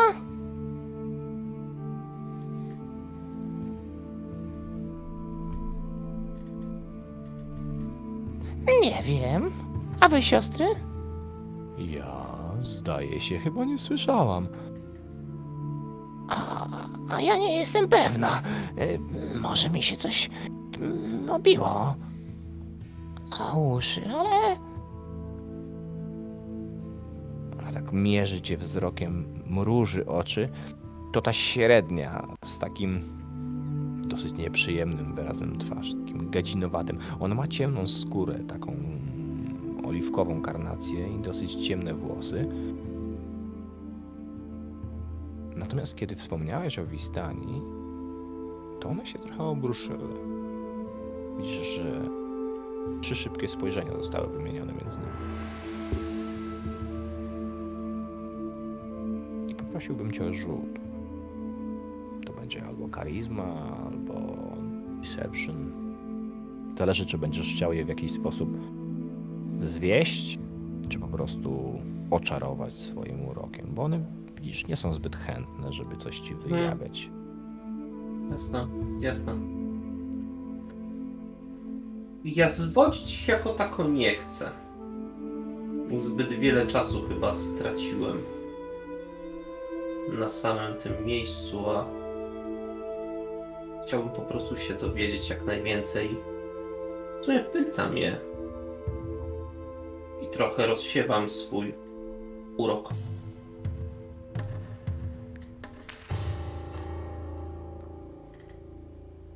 16 to jest bardzo dobry rzut, więc myślę, że na spokojnie. Dam może. Mija chwilę ciszy. Widzisz skonsternowanie na ich twarzach. I domyślasz się, że jest coś, czego powiedzieć ci nie chcą. Spoglądają na siebie. Jedna na drugą, na trzecią. Cisza się przy- przyciąga i nagle ta o najniższym głosie, taka nieco większa niż siostry, może najstarsza, z długim takim warkoczem, który opada jej na dosyć obfitą pierś, spogląda na ciebie. To imię. przybyszu. To imię brzmi jak imię Wistani. Miejscowi takich nie noszą.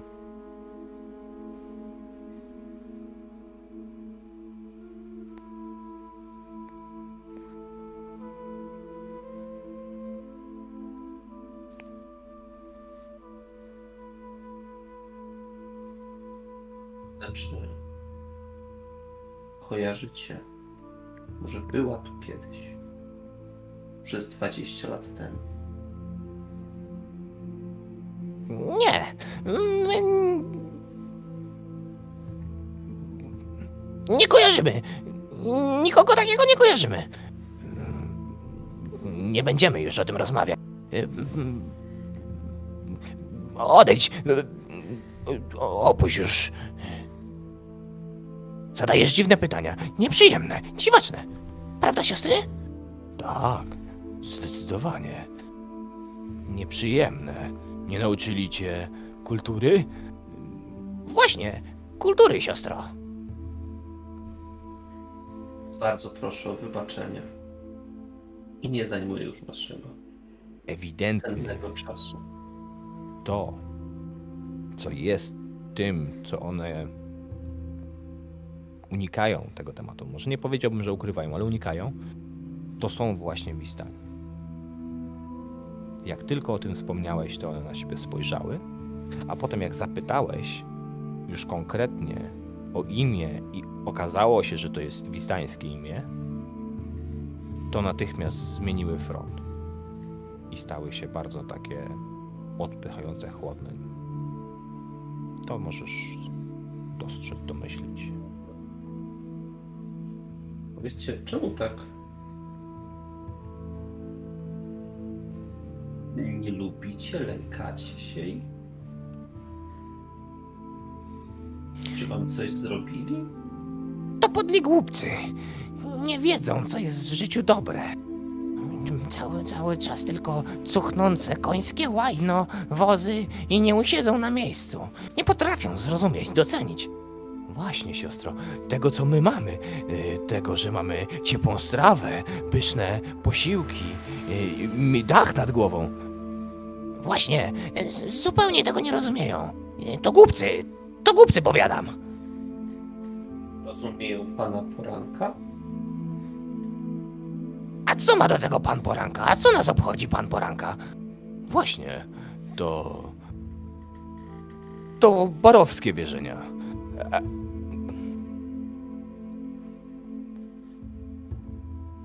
Dziękuję. Przepraszam, że zająłem wasz czas. Zająłeś dziwny przybyszu. Odejdź. Teraz już odejdź. Dobrego dnia.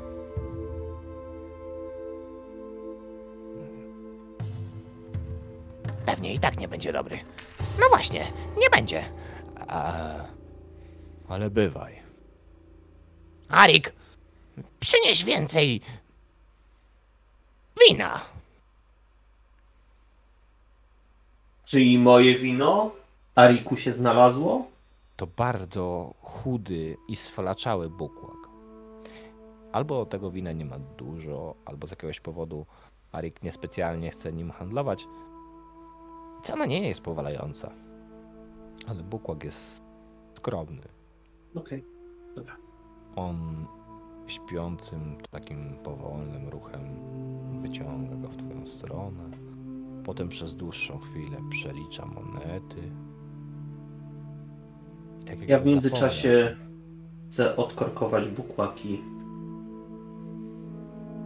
Aromat zwęszyć. To bardzo przyjemny zapach. Piję, żeby zapomnieć. Bogaty bukiet. Coś, czego się raczej nie spotyka. Wiesz, kupując wino w takim miejscu, spodziewasz się cienkusza rozcieńczonego wodą, którego miejscowi będą nazywali jakimś em, epitetem odnoszącym się do szczyn. A tak nie jest. Ja więc wychodząc jeszcze tylko skłaniam się Trzem panią. Zacny wybór.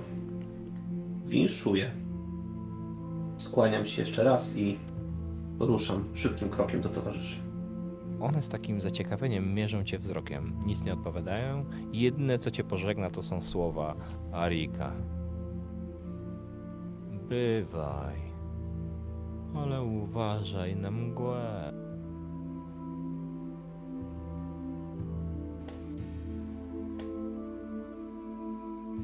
Słuchajcie, zróbmy sobie teraz chwilkę przerwy, a Okej. wrócimy do was, jak już będziecie na szlaku. Te pierwsze kroki za barowią. Nie wiem, jak Dammar, my już jesteśmy. Jak będą wyglądały. Szlak mnie zaraz trafi, to nie liczy się na szlaku. Aid był tak powolny, że z mojej pół klepsydry zrobiło się pewnie ze dwie. No, No. dlatego my idziemy moonwalkiem, żebyś miał szansę.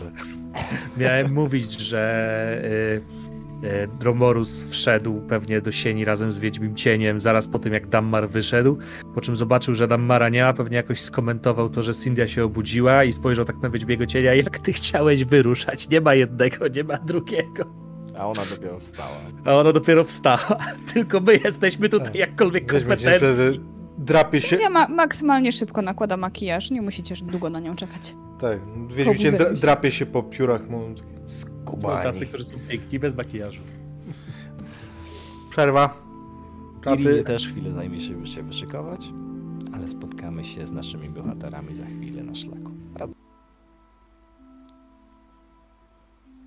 I tu mam...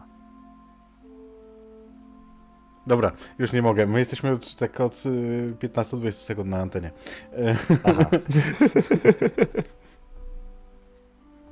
No, to powiem ci, że zrobiłem psikus. Cześć, witamy was ponownie. Żartowni szwagier wypuścił nas live. Nawet nie wiedzieliśmy o tym. Nie no, żartowałem, to tak jest naprawdę to dalej nie jesteśmy. Ach, Nie no, jesteśmy od minuty. Wiesz, bo aż sprawdziłem i zacząłem się zastanawiać. Ja też się właśnie sprawdzałam. Jak będą wyglądały pierwsze kroki czwórki? Hmm, przyzwyczajmy się do tego słowa, tak na was patrzą. Bohaterów, którzy opuszczą wioskę. Dziwactwo. Też. Ja ten. Ja mm, jestem e, w swojej opinii przynajmniej w tej drużynie jestem rycerzem. W związku z czym będę bawił damę w opałach zabawną krotochwilą i rozmową. Więc gadam z Iriną.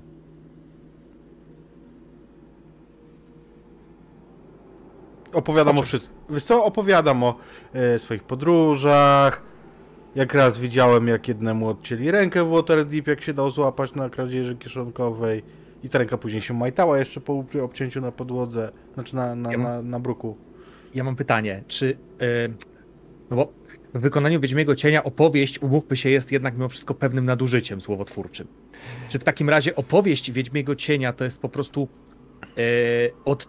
Jakby załóżmy, że przygoda zaczyna się w punkcie A, kończy się w punkcie B i on po prostu odtwarza wszystkie dźwięki, które usłyszał po kolei pomiędzy punktem A i punktem B.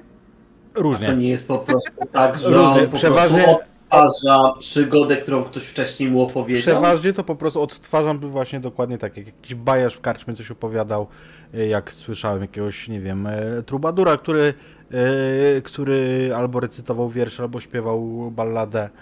Ale to pobite gary, bo to nie Śpiewasz balladę? Ten Oczywiście. trubadur, ten trubadur nazywał się Jaskra. Tak, ja właśnie teraz tłumaczę, kiedy, kiedy nasza kamera patrzy na Wiedźmiego Cienia i na mm, Irinę, to właśnie słyszę ten płoń, rzeźniku, płoń i tak dalej. No dobrze, słuchaj, ale ja myślę, że całkiem zabawna byłaby wersja, jak opowiedział Romorus, jakbyś w trakcie tego swojego płoń, rzeźniku, płoń, dodał nagle to, co było słychać w tle. I tam jakiś karczmiany głos. Zamknij się, kurwa, to mi japę! Albo odgłosy dwóch kawałków mięsa, które o siebie uderzają, bo ktoś bił kotlety na zapleczu. Nie wiedziałem, Tak że bicie kotletów polega na tym, że dwa kawałki mięsa się biją, ale okej. Jesteś ode mnie jakieś dwa razy młodszy i- in charakter, więc myślę, że wielu rzeczy jeszcze nie wiesz. I wielu rzeczy nie chcesz wiedzieć. O tak. Irina. Ona na początku jest trochę zaskoczona. I, i, I widzisz, że to jednak jest po pierwsze kobieta, po drugie dobrze urodzona i opowieści o odciętych kończynach. Ona jest uprzejma. Uśmiecha się do ciebie, konwersuje z tobą, odpowiada ci. Naprawdę? To ciekawe. E, I co później się stało? Ojejku, jaki ty jesteś odważny. Ale w takich momentach, w których dotykasz, wiesz, rzeczy, które w Waterdeep dla ciebie były na porządku dziennym, widzisz, że ona się trochę płoszy. Dla niej to jest trudne. To znaczy, ja nie opowiadam też ze szczegółami. Ym, omijam, jej, omijam jej te najciekawsze. W mojej opinii, w każdym razie najciekawsze. E, opowiadam jej, o rzeczy, rzeczach prostych i ciekawych dla chłopaków z Waterdeep, ale w sposób, który faktycznie dostosowuje do urodzonej panny. Bo ja jestem prosty, a nie głupi. I im bardziej go dostosujesz, tym swobodniej to będzie wyglądało. Ta zbroja, którą ona założyła, lekko skrzypi. To jest, wiecie, taki spory kirys. Ona chyba nie jest nawykła do noszenia go, ale bardzo dziarsko, tak stara się, jest zdeterminowana. Te pierwsze kroki ogląda się kilkukrotnie.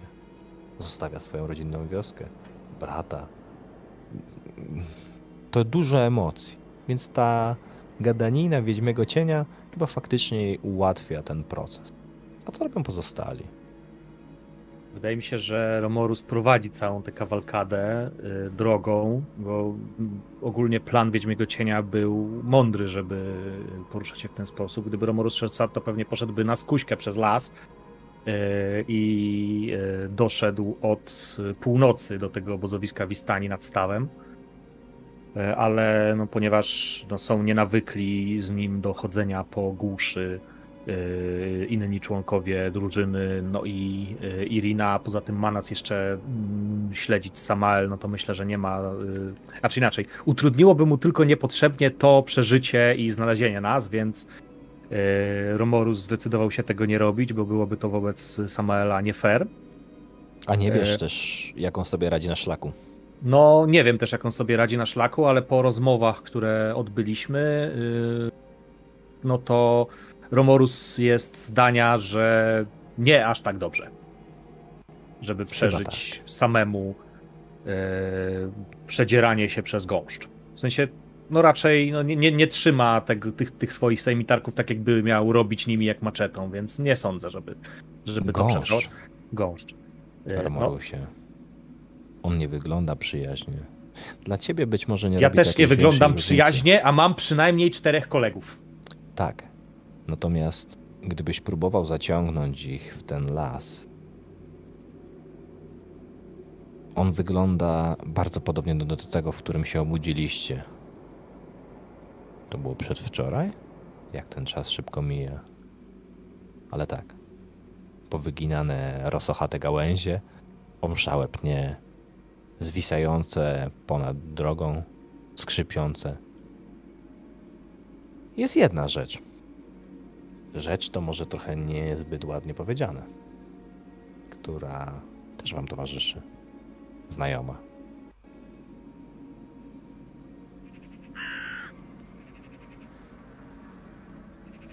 Wiedźmi cieniu, twój kuzyn.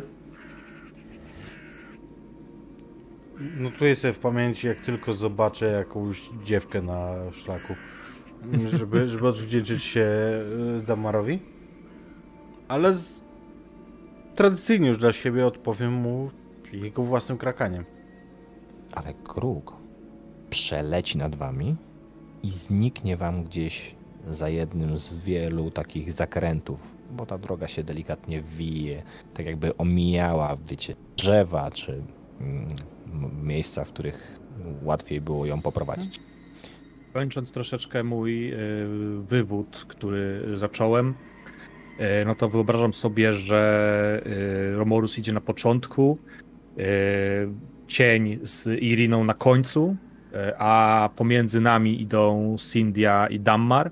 I wydaje mi się, że o ile do Iriny i do cienia to nie dojdzie, to do Cindy i Dammara mogłoby takie e, utyskiwanie Romorusa na hałas, który robią e, ob- oboje opancerzeni członkowie naszej wyprawy. Przynajmniej mają Nie. jakiś pancerz. Nie jestem pewna, czy Irina jest w stanie walczyć, ale to zawsze jakoś pomoże jej w tym, żeby przetrwać, aż ty jej pomożesz. Albo kto inny. Moja nienawiść jest moim pancerzem. Nie mówię o twoim pancerzu, tylko o jej pancerzu.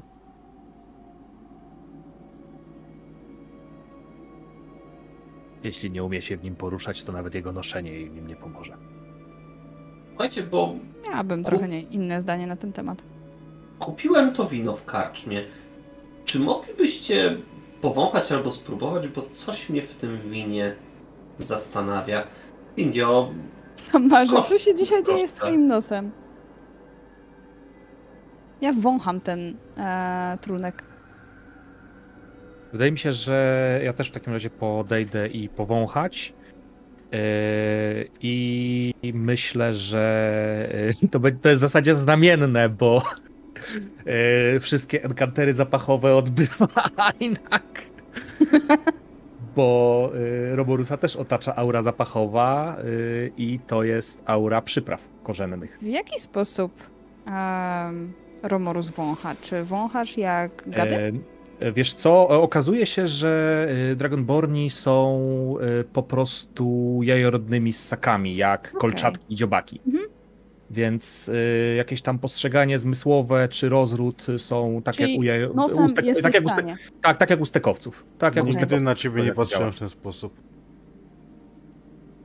Czytałem o tym ostatnio, stąd wiem. Ciekawe. To cię Fajnie. uczymy się czegoś Pozwolę nowego. sobie delikatnie zarysować wam te wrażenia zapachowe, bo one będą dosyć skomplikowane. Wszystko mi fryca Owszem. zacina? Kiedy Nie. jak zbliży się do was, Nie tylko powiedz, odpłynął. Poleciał. O, jest zamyślony frycu na Twitchu. Tak, ale to jest e, pokaz slajdów Frycu i to jest internet twój. a, O, bo teraz jest dobroduszny. U mnie nie, nie. Komputer Rozumiecie? A u mnie działa. A teraz jest podejrzliwy. On, on ma wiele inkarnacji, wiesz, to jest... Oj, Słuchajcie, powiem A teraz wam jest tak, niewidzialny. teraz to jest Więc- ninja Frycu. Więcej wina nie wyciągam na sesji. O, jestem, wróciłem, Jesteś, działacie. Tak. O. działamy. Już spiny poszły, nie? Mm, Klasyka. Wracając do zapachowych y, naszych tutaj wrażeń. Przestańcie, Judasze. To tylko srebrniki. Materiał jest sponsorowany przez Imaginarium RPG. Autopromocja nie hańbi. No, bo ja do tego nie dopłacam. No dobrze. Pożycz dwie stówy. Kiedy się Pożycz. Romurus do was zbliży, to faktycznie pojawi się nowy zapach. Ten korzenny, taki dosyć intensywny, biegnący od smokowca. Ale dla ciebie, Romorusie, zanim poczujesz wino, będzie pierwszy ten zapach, który oni czuli wtedy w domu Kolianowiczów. Zapach czyli- śmierci. Chryzantemy złociste, jak już Damma Tak. ustalił. Tak. I nie będzie to żaden problem, żeby stwierdzić, że ten zapach pochodzi od Cindy. Tak jak twój korzenny unosi się za tobą, tak kiedy się zbliżysz, to poczujesz od niej ten zapach. A samo wino bardzo przyjemne, owocowe w bukiecie, bogate. Hmm? To naprawdę dobry trunek, jeśli się na trunkach wyznajecie. I niedrogi. I mam rotać, po na pewno można? się nie zna na dobrych winach. Wino pachnie jak wino, tylko niektóre bardziej, niektóre mniej. No, wydaje mi się, że Romorus też nie ma wyrobionego podniebienia. Wino to wino i i tyle. To inaczej. Ono pachnie przyjemnie. Nie ma tego gryzącego, spirytusowego efektu, takiego wiecie, alkoholowego. I to Myślę, że to, to może przy tym was w takim zostawię. razie marszczę brwi. Jesteś pewien, że to jest wino? nie pachnie jakby miało być octem, więc Tak właśnie pachnie wino. Tym Diabelstwa, bardziej- diabelstwa, wszędzie szukacie siarki. Trochę tak. To I dziwne, tym że raczej bardziej- pachniesz kwiatami. Właśnie, ten zapach, też go czujecie? Jest taki dziwny. Pierwszy raz go poczułam go w domu, ale ciągle nam towarzyszy. To chryzantemy. Nie rosną tutaj. Pachnie jak... Mm, wiązanka na uroczystość. Mi Tak, się bardziej robi się kojarzy ze zgniłym mięsem. Z czego wy robicie wiązanki? Okazuje się, że ze zgniłego mięsa, mój kruczy przyjacielu. Czy ja rozumiem, że chodzi o zapach śmierci, który wcześniej też towarzyszył. Tak, Każdy odczuwa to inaczej. zgadza się. Ale jedno w nim będzie wspólne dla was wszystkich. Wspólny będzie ten zatęchły, stary, starożytny taki zapach. Oraz to, że jest to zapach nieprzyjemny, niepokojący. Więc poczujecie zarówno bukiet wina, jak i ci, którzy się zbliżą, i sama Sindia. Zorientujesz się, że to nie pokój. To ty. Mierdza. E, e, może się wykop, co? Jakieś jezioro chyba będzie po drodze, prawda? Mówię głosem Ismarka. Staw, staw cer. Tak. Powinniśmy do wieczora dotrzeć. To nie bardzo daleko. Irino, powiedz mi, czy wiesz skąd karczma zakupuje wino? Oczywiście, że wiem. Bo jest tylko jedno miejsce. Wszystkie wina pochodzą z winiarni na zachodzie. Ona leży jeszcze za, za Walaki. Nazywa się Magwin. Ale teraz, gdy zapytałeś, to pamiętam, że nawet ojciec wspominał coś, że dawno nie było żadnej dostawy.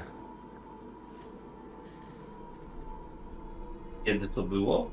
Wybacz, że poruszam może bolesne wspomnienia związane z odejściem ojca, ale To musiało być kilka, raptem kilkanaście dni temu.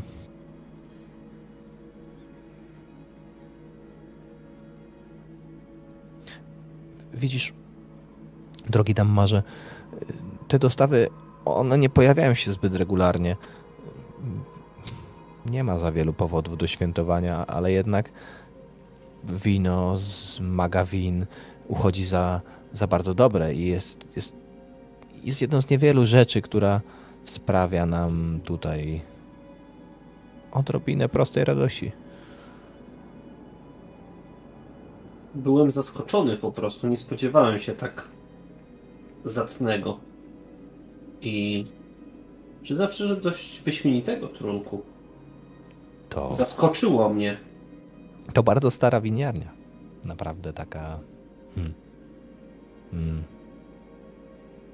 można powiedzieć.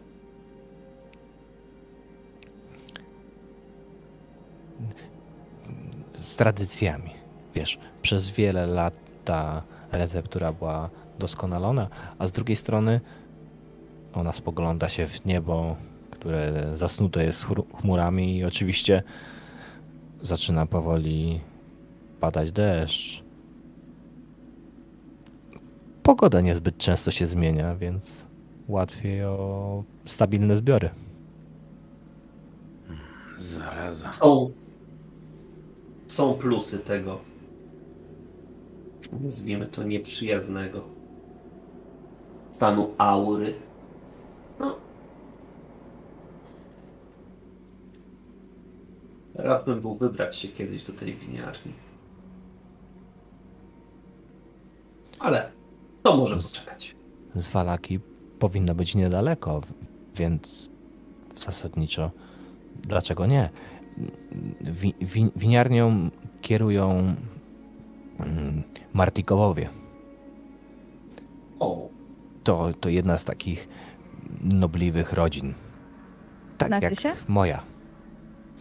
Ojciec, y, o, o, owszem, ja nie miałam okazji. Lubili się, czy nie bardzo? Być może i oni będą w stanie ci pomóc, jak już dotrzemy do Walaki. To możliwe. Wiele dobrego o nich, słysz- o nich słyszałem od ojca. jest to jakiś punkt zaczepienia. Zdaje się, że w Walaki oni, oni prowadzili karczmę. O, W sensie jedna z gałęzi rodziny, bo to, to stary ród.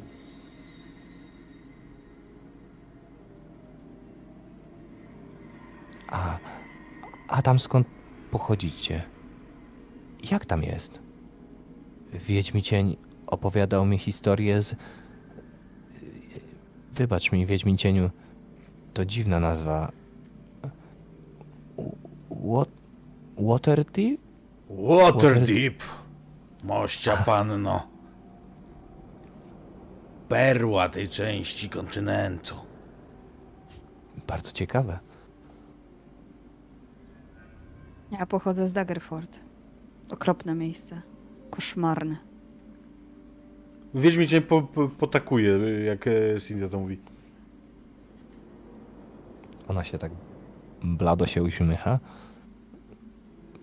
Myślę, że Barowia mogłaby konkurować. Mogłaby.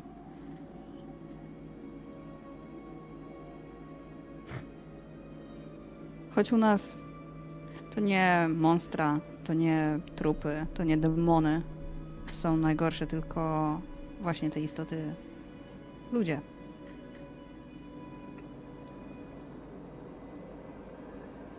Ludzie? Ludzie. śmiertelni. Ale nie rozumiem. Trafiałeś może do tej pory na samych miłych ludzi, którzy pomagają, którzy nie robią krzywdy sobie nawzajem. Tam bywa trochę inaczej. Przecież, przecież sama widziałaś. Nawet nikt nie chciał pomóc pochować nam ojca. Ale dlatego, że się bali, a nie dlatego, że byli dla ciebie wredni. A może ci, o których mówisz, też się boją? Nie. Myślałam, że świat poza doliną jest. że jest piękniejszy. Panieneczko, w tym mieście człowiek człowiekowi wilkiem. Uważaj na sakiewkę. Dobrze prawi. Polać Dlaczego? To Wskazuje powiedzenie, to powiedzenie nie ma sensu. Wilki są bardzo serdeczne wobec siebie. Nikt przy mnie Ale tam nie jest, że człowiek człowiekowi będzie jak wilk wilkowi. Tylko, że człowiek człowiekowi wilkiem, czyli że jak wilk względem A człowieka. ja skwapliwie po- potakuję, bo nie mam e, w swoim zasobie słów, którymi mógłbym to wytłumaczyć. Natomiast pota e, potakuję i jeszcze jak e, spotykam się z Romorusem wzrokiem, to pokazuję na azymut w, tam, w tamtą część lasu, gdzie nas wilki były zjadły kilka dni temu. Czyli co, jak jeden człowiek w tym waszym Waterdeep nie wejdzie w drogę drugiemu człowiekowi, to spojrzą na siebie i się rozejdą? Tylko jeżeli nie zauważą interesu dla siebie. Zdajesz się doskonale znać na zwierzętach, Romorusie. No, jestem łowcą, goddammit! A wybacz mi, ja. Ja nie wiem. Dopiero się poznajemy. Ja jestem Irina, córka tak, burmistrza. Cieszę się, że. Cieszę się, że jesteście ze mną.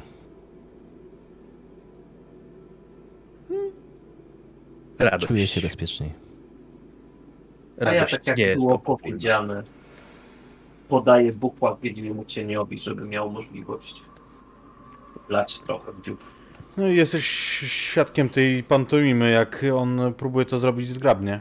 Mm, Dziób utrudnia korzystanie z bukłaku. Mm, Ale tak, korzystam. Może wolisz kubek bądź miseczkę?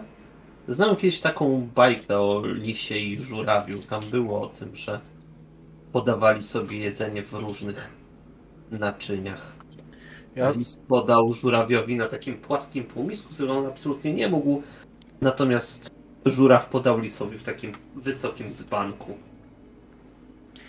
e, Wiedźmin się nie obchodzi to w ten sposób, że korzysta mm, z bukłaka tak jak, e, tak jak się pije po kimś obcym, nie? To znaczy nie, nie, nie, nie przedstawiam Nalewa Dobra, sobie dodaj- jak No, z no, banka. po, po prostu sikam sobie y, z tego, z tego bukłaku do otwartego dzioba, ściskając y, skórę.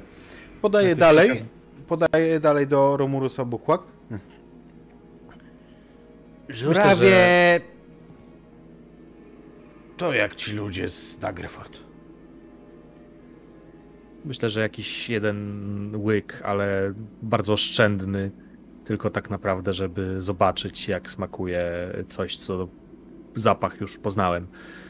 Yy, No bo jednak lepiej, żeby sobie nie przytępiać żadnych zmysłów na szlaku. Kto rzuci na percepcję? Ja rzucę na percepcję. Dawno nie rzucałem. Zachęcam.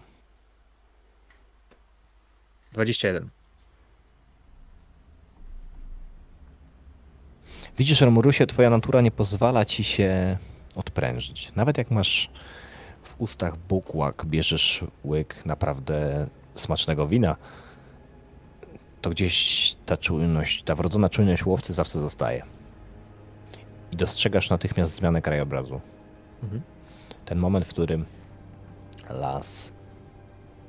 Jest muzyka? Jest. Mhm. Ten moment, w którym las zmienia swoją strukturę.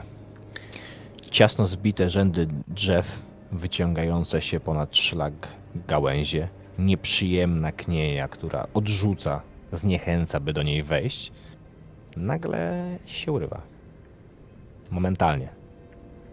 Ale tylko na chwilę. Jest wyrwa. I to jest wyrwa, która ewidentnie została stworzona przez człowieka. A w wyrwie widzisz dwa kamienne posągi, obeliski. Trudno z tej odległości powiedzieć, ale coś tam stoi. A my już przekroczyliśmy rzekę, czy jeszcze nie? Nie, nie, nie. Dobre strzelanie albo dwa przed wami. A nie, pardon. widzimy- Mówisz o rzece tutaj, ten, o tym moście. Tak. Tak. To myślę, że tak. Myślę, że Okej. tak. To już idziecie dłuższą chwilę. tutaj? Mhm. Dłuższą chwilę już idziecie. Myślę, że to jest taka pora, gdzie gdybyście się nie śpieszyli, to pewnie dawno temu powinniście się zatrzymać na obiad. Czyli co, gdzieś tam zbliżamy się pewnie do tego miejsca, gdzie szlak znowu zbliża się do rzeki, tak? Mhm. Okej. Połowie, połowie. No ale to Ramorus to załatwił, za- zauważył. mm. Poznałeś po czym? Po wyrazie jego pleców? Nie, po prostu nie reaguje, dlatego że to nie ja widzę. No ale wydaje mi się, że y, po, po, po wyrazie pleców, czy po takim najeżeniu, wiecie, jak wiecie jak wygląda kot, który się przyczaja, nie? Szanuję No to cię, coś- masz wyraz pleców. Mam, słuchaj, no, ty masz dziób, a ja mam wyraz pleców, no jakoś musimy sobie tę mimikę realizować, nie? W sensie, że są takie nastroszone łuski na grzbiecie? Nie, ogon, mi ogon mu się spuszył jak kotu, nie? Wiesz co, wydaje mi się, y, no nie, on ma pokryty łuskami ogon, więc razem mu się nie spusza, Ale ale to wydaje mi się, mogły stanąć. tak, ale wydaje mi się, wydaje mi się, że te skórzaste pasma, które gdzieś tam imitują y, te dreadlocki, y, tak mu się też wznoszą i jakiś tam grzebień się też na, na, na straży, tak jakby No faktycznie... właśnie, bo on ma jakiś grzebień na plecach, wystaje mu z... No wiesz co, zgodnie, zgodnie z y, tym, jak przygotowałem opis, to ma nawet te takie skórzate wąsy a la Mhm, smok chiński. Więc myślę, że po takich y, ruchach, tych takich mikroelementów można y, dostrzec, że faktycznie coś zauważył i teraz ocenia to wzrokiem. Mhm. Jak widzę zaniepokojenie Romurusa w takim razie, moja reakcja będzie taka, że za jakby stanę mm, w stronę, w którą patrzy Romorus, odgradzając sobą e, Irinę, którą uważam za naszą niejako eskortowaną. Tak, żeby po prostu ją osłonić e, na, od ewentualnego ataku tego, co, co Romorus widzi. Wydaje mi się, że jak to y, uda się gdzieś tam zlustrować, że to są tylko, tylko posągi, y, no to napięcie też y, schodzi momentalnie, ale mm, myślę, że to jest moment, w którym też albo sami to zobaczycie, albo jak nie zobaczycie, to wam po prostu palcem pokażę, że jest tam coś takiego. Spójrz, rzeźby. To nie jest raczej coś, co dostrzega się w takich okolicach. Czy ja wiem? To bardzo stara wioska. Bardzo stare tereny. I to usprawiedliwia stawianie posągów. Nie wiesz, co było wcześniej. Nie wiem, co było wcześniej. Świątynia? Diabeł. Może chodźmy zobaczyć. Jaka jest pora dnia właściwie? Po, po południe mówił, że Okej. to już jest po tej przerwie na obiad. Dobra, dobra. Czyli jakaś tam, nie wiem, 17? Nie musimy jakoś mocno precyzować. Słońce jest No. jeszcze w miarę wysoko na niebie. Okej, Nie mamy, dobra. nie mamy niziołka w składzie, więc nie trzeba precyzować, na, na który obiad. Ale pomyślałam o tym. No nie? Dobrze. Pójdźmy zobaczyć. Pójdziesz ze mną. Wy zostańcie tutaj i patrzy na Dammara i cienia z y, tą. Z Iriną. Iriną. To jest po drodze.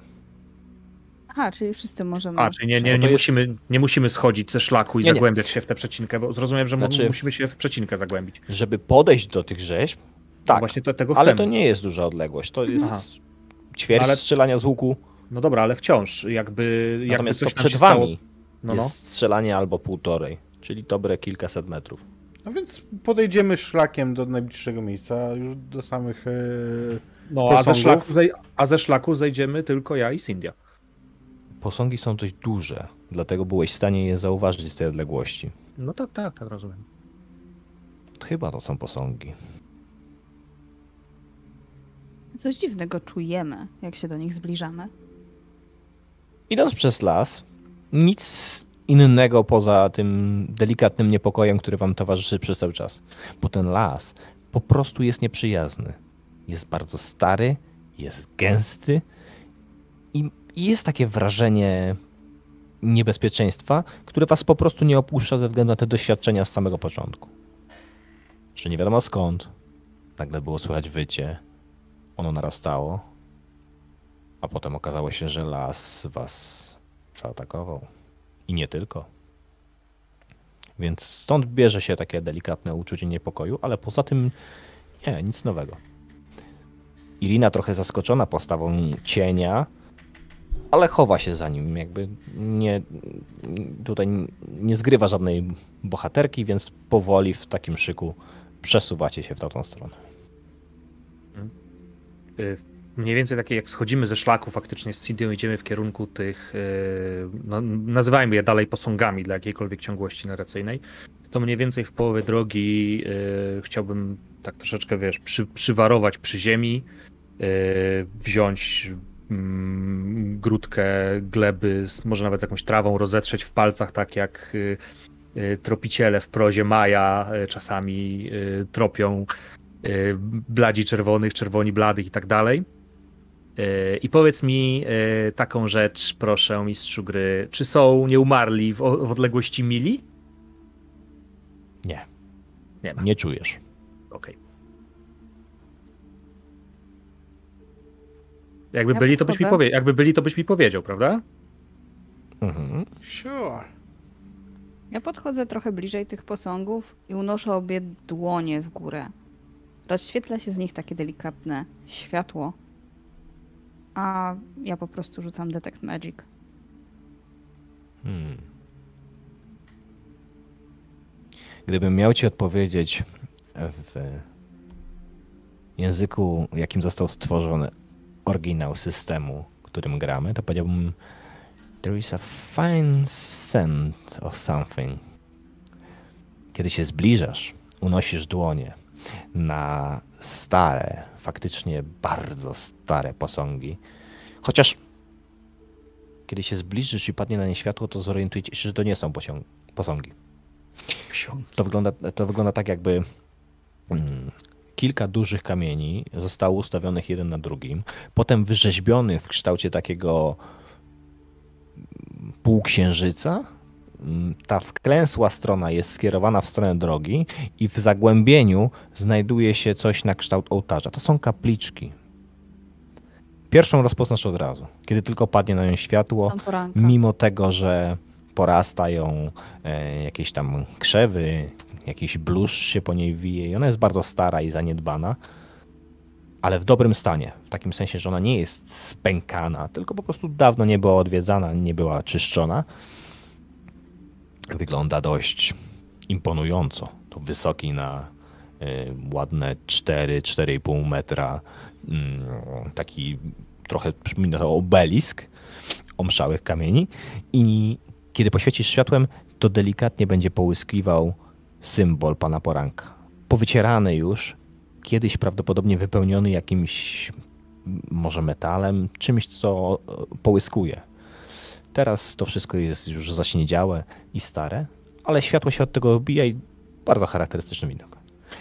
Drugi, drugi jest ci nieznany. Są w parze. Ale czy, Jeden obok tylko, drugiego. czy ten drugi może przywodzi mi na myśl tą właśnie panią Nocy, o której tak słyszeliśmy? Tak. Dlatego, że symbolem, który tam będzie widać, jest sierp księżyca. Sięgnę do sakiewki i położę jedną srebrną monetę obok pani Księżyca, pani Nocy, Matka nocy. Matka nocy. matka Nocy.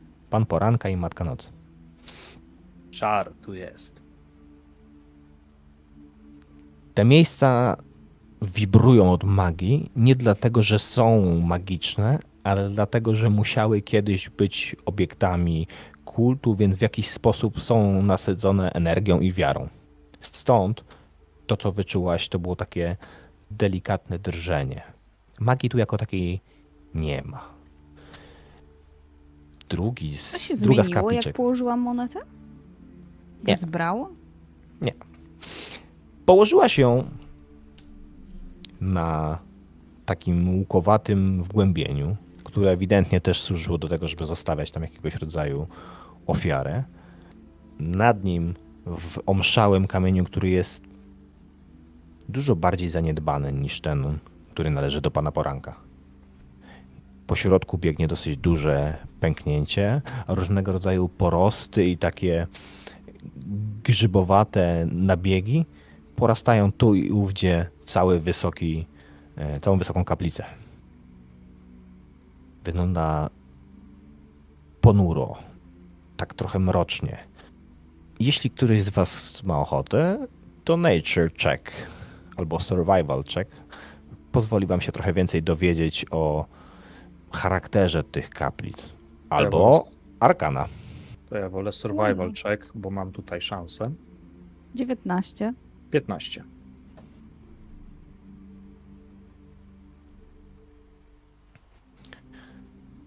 Kiedy się zbliżycie, a ty, Romuru, się skorzystasz ze światła, które generuje Sindia, zdacie sobie sprawę, że nieznane wam gatunki roślin porastają te kaplice. Te, szczególnie te na kaplicy Matki Nocy.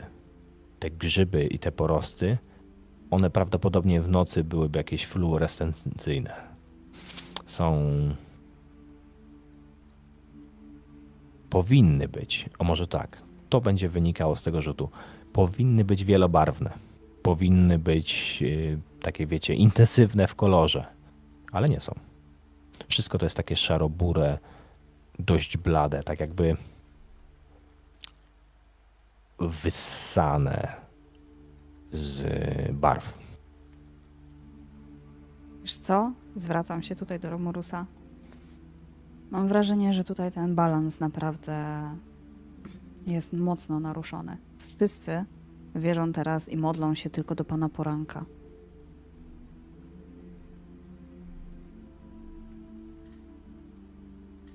I którzy przychodzą w nocy, nieczęsto mają oddanych kultystów. Zwłaszcza, zwłaszcza jeżeli mówimy tutaj o pani straty. Przychodzili Wiecie- do mroku. Zdarzało się. I Ja- szlak pielgrzymek przechodził przez nasz plac. Ja słyszałem, słyszałem o takich opowieściach. Ten, ten kult Matki Nocy, one kiedyś były podobne, tożsame. Tak jak Słońce i Księżyc. Ale podobno tak przynajmniej mówił mój ojciec, opowiadając czasami wieczorami. Podobno to się zmieniło i ona się ogląda. Ogląda się delikatnie na północ. Tam, Stronę gdzie zamku. swoje kły w niebo wbija Ravenloft. Ravenloft czy Ravenloft. Czarny zamek, wysoko rozpościerający się nad wami. Ale to było setki lat temu. Ojciec nawet nie był w stanie mu powiedzieć kiedy. To, to, to bardziej jak takie bajania. I, i, jak te, tego trubadura.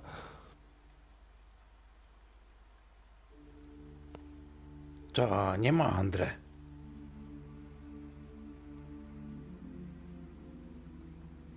Jeden mędrzec Waterdeep mawiał. "Hm, Księżyc nie jest tym samym co słońce, jeno odbija światło jego i nie parzy.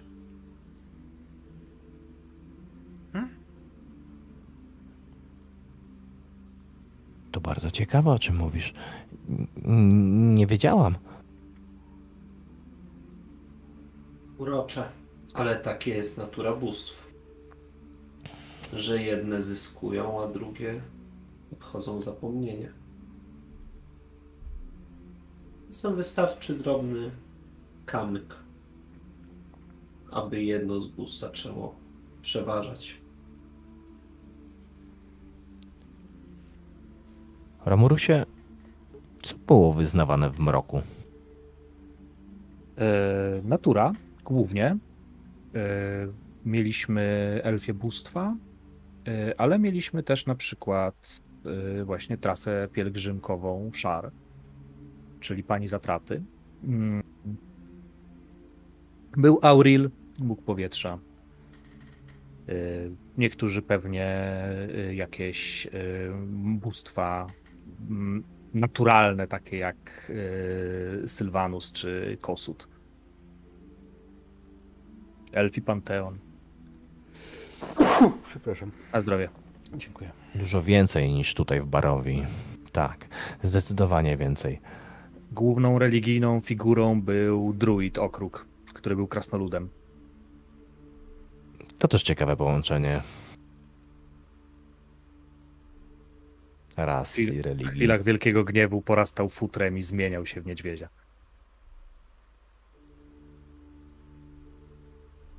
I trzeba było kazania wywnioskowywać z ryczenia. A jak ktoś był wyjątkowo kłótliwie nastawiony, to nasyłał na niego pszczoły. Ramurusie, widzisz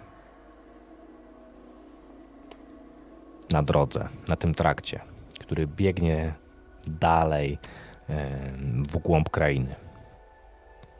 Wszystko robi się takie lekko rozmazane, tak jakby znowu rozpostarła się mgła, ale nie ta mgła, która budziła tak niepokój i grozę, tylko ta, która przypomina ci o tym, co cię tutaj w ogóle sprowadziło.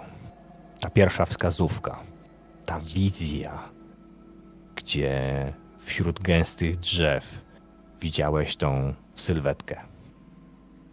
Teraz na szlaku widzisz, jak stoi wysoka, szczupła postać o spiczastych uszach. Obok niej niższa, dużo drobniejsza, A między nimi a tobą ona.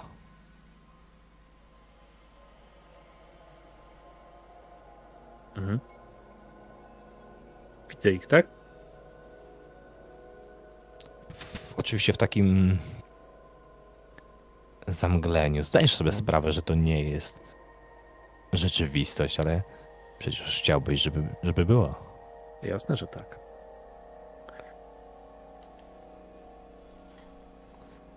Musisz mnie odszukać, mścicielu. Jeśli chcesz odzyskać to, co straciłeś. Myślę, że tutaj się odwołam ponownie do wyrazu pleców, bo y, teraz y, poprzednio no to było takie napięcie mówiące, że coś niebezpiecznego, potencjalnie niebezpiecznego Romorus zauważył. Teraz obserwując go mo możecie zobaczyć napięcie innego rodzaju, takiego mistycznego rodzaju.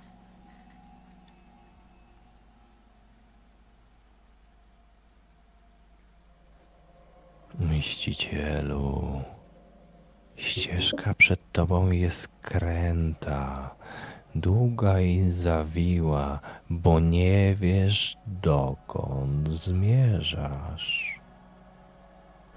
Szukaj miejsca, gdzie woda się rozlewa. Odnajdziesz mnie, a ja powiem ci, jak możesz odzyskać to, co straciłeś.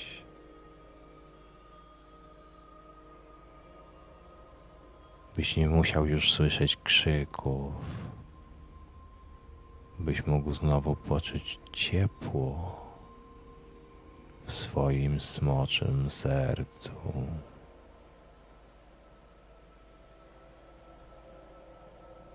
E, Myślę, że jedyny komentarz, e, jaki zostanie tutaj e, rzucony, e, no to będzie tylko Dammarowi wiadomo, bo tylko Dammar ma zgodne języki ze mną.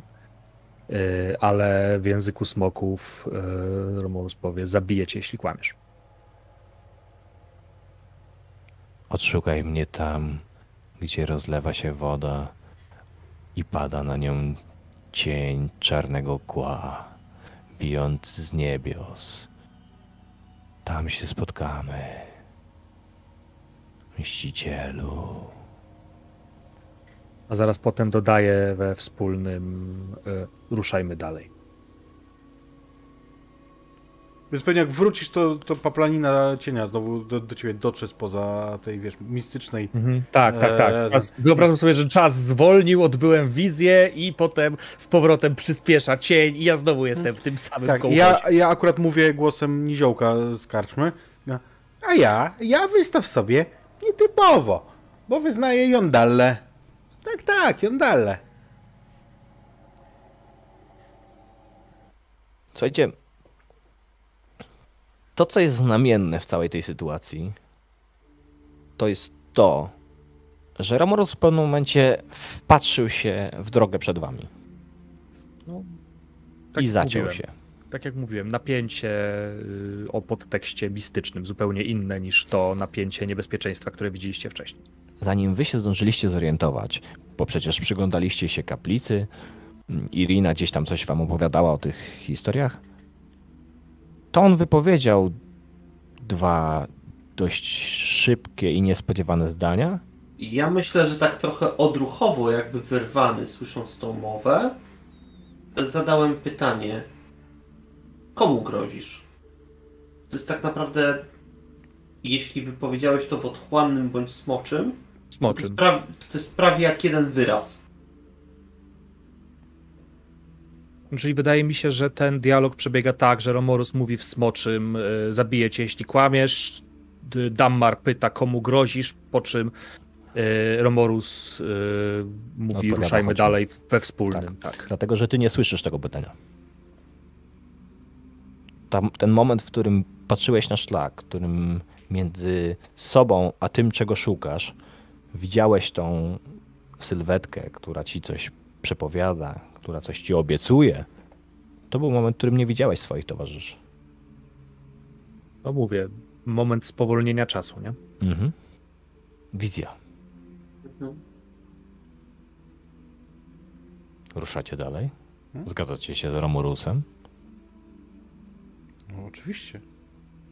Ja muszę Ja dać- myślę, że nawet dołączam do niego i trącam go. To czemu nie idziesz?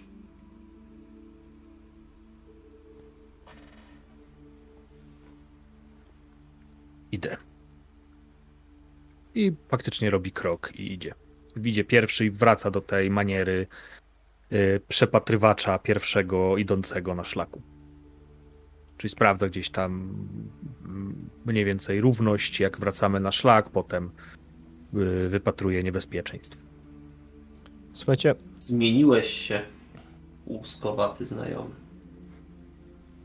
Kiedyś szedłeś zawsze ostatni.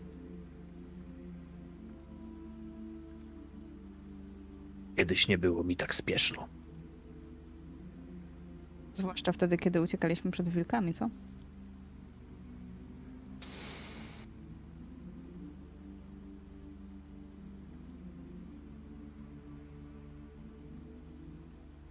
wilki to najmniej niebezpieczne, co możemy tutaj spotkać. Mhm. hmm. To dość znamienne, że akurat teraz o tym mówisz, Romurusie. Co, szybki rewanżyk z wilkołakami? Nie. Minie chwila. Może dwie. Może to będzie kilkaset kroków, a może kilka tysięcy. Cały czas będzie dość ponury las was otaczał, a będzie się robił tym bardziej ponury, im niżej słońce będzie na niebie. Słońce, którego i tak nie widzicie za zasłony chmur. Trudno jest określić czas. Nie ma nawet najmniejszego przybijającego się promyka. Warstwa stalowych kłębów unosi się nad wami, ale robi się coraz ciemniej, a to świadczy o tym, że dzień powoli ma się ku końcowi. A wy jesteście coraz bliżej i minęliście już rozdroże, to na którym znaczy, nie, przepraszam. Nie mieliście, tylko dotarliście do rozdroża. To, na którym musicie skręcić albo na północ, albo dalej podążać na zachód. Zanim to jednak zrobicie,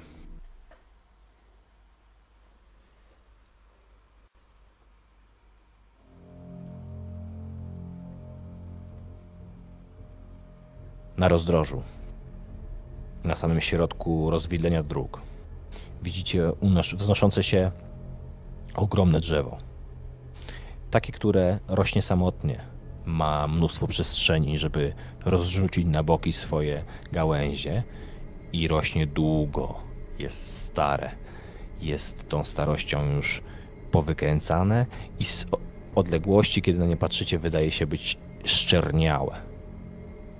Ale nie to jest najbardziej niepokojący widok. Dlatego, że to drzewo nie jest puste. Choć nie ma na nim liści, to gałęzie są obwieszone sylwetkami, które smętnie zwisają na różnej długości powrozach, dyndając nogami w powietrzu. Całe drzewo wydaje się delikatnie drgać. Drga, dlatego że obsiadają je dziesiątki, jeśli nie setki czarnych ptaków. Musicie je ominąć, ale każdy krok, którym się zbliżacie, wzbudza ten wstręt. I zapach śmierci, ten jest zupełnie inny. To jest cuchnący fetur, fetor e, zgniłych ciał, zasuszonych trupów, starych, rozdziobanych przez te siedzące na drzewie kruki. Ogromne drzewo pokryte wisielcami. Wprost przed wami. Ono jest na tym rozdrożu, tak? Tak. W takim, wiesz, punkcie, który jest doskonale widoczny z każdej z, każdej z dróg. Mhm. I my idziemy, jakby to jest to rozdroże, gdzie na północ można iść na ten skrót, albo dookoła Mhm. e, Dokładnie szlakiem. tak. W porządku. Chciałbym się, wiesz co, przyjrzeć temu, nie podchodząc zbyt blisko, czy to jest po prostu jakby drzewo skazańców, czy to jest ostrzeżenie, czy te osoby na przykład, które tam wiszą, mają jakieś cechy wspólne, może to są, wiesz, e, nie wiem, no mają co, co, coś między sobą, jakąś cechę wspólną, którą rozpoznam? Tak, Ani na przykład? Rozpoznasz. Nie cechę wspólną, tylko wisielców.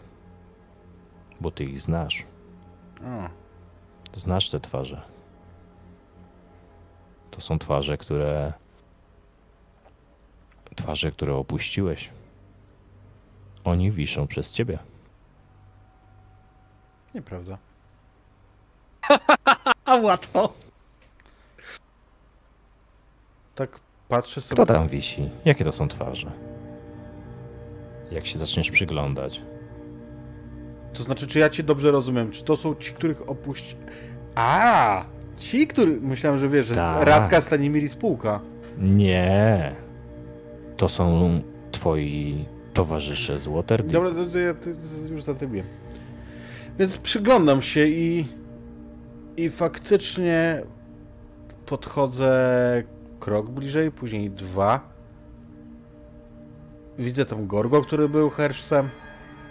I mówił, Z że... wykręconą, wykrzywioną twarzą. Tak, on mówił, że nikt mu nie podskoczył w Waterdeep. O! A ten mały, nie pomnę teraz imienia, ale to był całkiem zdolny złodziej. Ciekawe, gdzie ta ręka, którą tak zręcznie kradł. Już jej nie ma. I mam poczucie, że oni wszyscy, pomimo że mają martwe oczy, to patrzą na mnie w oskarżycielski sposób. I teraz, tak jak przed chwilą Romorus rzucił w powietrze, tak i ja powiem na głos również. No kurwa, przecież to nie moja wina. Już się tak nie dąsaj, dzieweczko. Twoja, Wiedźmi cieniu. Zostawiłeś nas. Przez ciebie tutaj wiszę! Kurwi synu! Ptasi urwi połciu! Zdrajco! Dlaczego nas zostawiłeś? Ukradłem to dla ciebie. Robię krok y, do tyłu od tego drzewa. Widzicie, jak, jak y, cień y, schodzi z traktu, także stoi na miękkim już gruncie, rozmiękłym od e, tego deszczu. Gdzieś się pośliznę, może cofając, nie upadnę, ale Chodź tu, cieniu. Też, Powinieneś tu z nami wisieć. też bym wisiał, jakbym... Jakbym... i tu niestety brakuje mi tego, co chciałbym powiedzieć, więc kończę bez efektu. Bo po prostu nie słyszałem nigdy, żeby ktoś powiedział te słowa, które chciałbym teraz użyć. Pierzasty bydlaku, zostawiłeś mnie tam, żebym zdechł. Zostawiłeś mnie. Żeby wam skompletować pozostałem obraz. Wiedźmi cień stoi, cofa się. Ten wyraz przerażenia jest trudno dostrzegalny na jego dziobie, ale w sylwetce, która się przykurcza, która się zaczyna nagle dziwnie cofać, już tak. Natomiast wy widzicie drzewo wisielców. Wiesz co, i Nie da się rozpoznać ich twarzy, bo mają wydziobane oczy, zmasakrowane y, twarze, po prostu powydzierane mięso przez ptaki. Ale efekt y, tego mojego przerażenia spotęguje to, że ja wreszcie znajdę takie dźwięki, które chciałbym użyć. I to będą głównie dźwięki, które usłyszałem, kiedy. Przynajmniej na początku, zanim tam zacząłem pomagać, które słyszałem w Bidulu, kiedy te szczególnie nowe dzieciaki bardzo się bały. I cień teraz kwili, jak, jak dziecko, po prostu jest e, zupełnie przerażony. Nie no, nie możemy tutaj zostać. A... pora już spać. Powinieneś tutaj zostać. Ty skurwysynu, zostawiłeś moich chłopaków! Wystawiłeś nas! Odruchowo oglądam się, czy nie ma nigdzie Samaela, ale przypominam sobie, że na szczęście go nie ma i nie może tego słyszeć, tych oskarżeń. A oni nie zrozumieją. Teraz się oglądasz? A za mną się nie obejrzałeś. Za nikim się nie, za- nie obejrzałeś. Zostawiłeś nas. A my przecież razem chodliśmy, chodziliśmy. Wyciągnęliśmy cię stamtąd. Jak mogłeś?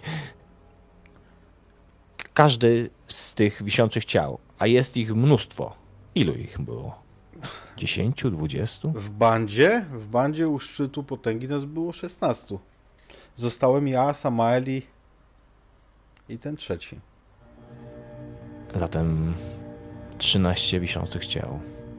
13 oskarżycielskich głosów. I ten moment, w którym się cofasz, prawie się poślizgnąłeś, zaczynasz kwilić dziecięcym głosem, a ten najmłodszy, ten, który był prawie jak te dzieci z bidula, obraca się pod podmuchem wiatru i jego dłoń jest przykurczona w takim geście z wyciągniętym palcem prosto w twoją pierś. Ja odruchowo patrzę, tak jakby, jakby miał wrażenie, że on chce mi pokazać, że mój kamień się rozświetlił, ale... Ale wiem, że to nie o to chodzi.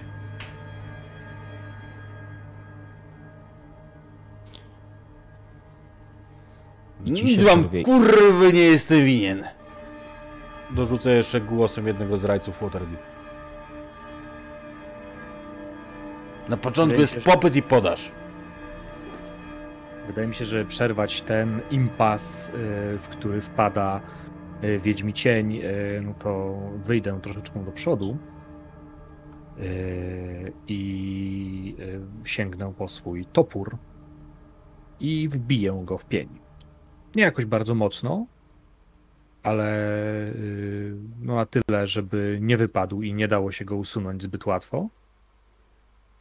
Y, bo Mam nadzieję, że będzie szedł Samael naszą drogą i y, znajdzie go jako znak, że tutaj byliśmy. A potem mi go odda. Czerwony syn. Odgłos krakania jest zwielokrotniony, dlatego że kiedy ty uderzasz to drzewo, jest huk, No taki się, pusty, spurchniały dźwięk nie? i nagle cała ta chmara tych ptaków się podrywa. Jak taka gęsta chmura, która zasłania wam teraz, jakby rzuca taką ciemną plamę. I Irina natychmiast łapie cię wiedźmi cieniu za ramię, bo ona podreptała za tobą. Trzyma się blisko. Ja się wzdrygam, jak czuję w ogóle jej dotyk. Nie krzywdźcie cieplaków. Nie wolno. Jak kruki. Nie wolno zabijać kruków, bo to przynosi pecha. Przynosi pecha. Teraz kurwa oskarżacie? Już nie dodaję, że tam dalej osoba, którą powtarzam, dodała teraz, kiedy stoicie przywiązani do stosu, ale tego już nie, nie mówię, bo to się nie, nie łączy. Ruszajmy dalej. Później przyjdzie czas odtańczyć walca z tymi, którzy nie żyją. Ja zaś zbliżam się do Dammara. To tak się zachowywałam? Czy inaczej? Nie, nie tak. Zupełnie nie tak. Jego widzieliśmy. Ciebie po prostu nie było. Jak to mnie nie było? Irina stwierdziła, że w pewnym momencie po prostu się pojawiłaś w jej pokoju ciałem. A dopiero potem jakbyś wróciła duchem. Wiedźmi cieniu, jak się czujesz? Wszystko okej? W porządku? Ten, co mu obcięli rękę za kradzież, jaką prawił wcześniej. I pokazuję palcem na tego chłopaka, który mi się wydaje, że to jest on. A ręka ruszała się jak żywa. Jeszcze na bruku. Trochę wieje.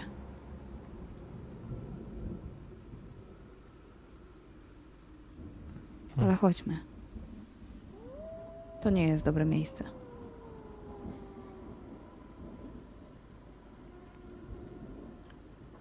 To Ru- prawda. Chcę ruszyć i splunę jeszcze przez ramię na, na urok.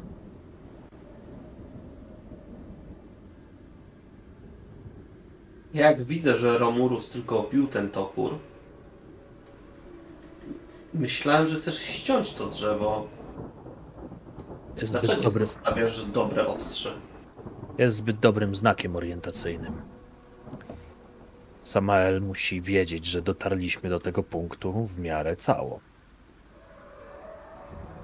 Skąd będzie wiedział, czy iść w tą, czy w tą stronę? Nie zostawiliście mu wiadomości? Zostawiłam. No więc właśnie. Dotrze tutaj, zabierze topór. Miał okazję przyjrzeć mu się dokładnie. Dogoni nas w swoim czasie. No chyba, że tak. Jak robiliście takie rzeczy, jak ja byłem po wino, Ja pokazuję, wy, wyciągam, ale tak, żeby nie, nie oglądać się pod żadnym pozorem na drzewo. Wyciągam tę mapę, ten fragment, który y, zabrałem od Ismarka i pokazuję mu, że to jest dokładnie to, ten rozstaj, który, o którym agitowałem jeszcze, żebyśmy szli tędy. No tak, mówiłeś, że wszystkim pokazujesz tą mapę, stąd Mhm. wiemy, że to jest tutaj. Wydaje mi się, że no kto jak kto, ale Romorus ma wystarczająco dobre rozeznanie w terenie, żeby wiedzieć, że jesteśmy we Tak, właściwym ale miejscu. mi, mi chodzi o to, że pokazuję Damarowi, Tak, tak, bo to tak, jest jedyne, dowód, miejsce, nie? jedyne miejsce, gdzie mógłby zgubić naszą drogę. No Jeżeli- to, to, to. Damar ma zerowe, więc jak teraz mu dopiero to pokazuje ci faktycznie palcem, to on dopiero zaczyna rozumieć. Koncept w ogóle mapy jest dla niego taki nieoczywisty. To nowoczesny wynalazek. Nie wszyscy mają, nie? Nie. No, ale jak powiedział Romorus, czas na walca z tymi, którzy nie żyją, przyjdzie jeszcze później, więc wypadałoby ruszać w drogę. Kto z was będzie szedł ostatni? O, wypomniał mi! Więc niech będzie, że ja. To ciekawe, Romurusie. To jest bardzo dziwny dzień dla ciebie. Pewien, pełen magii i mistycyzmu.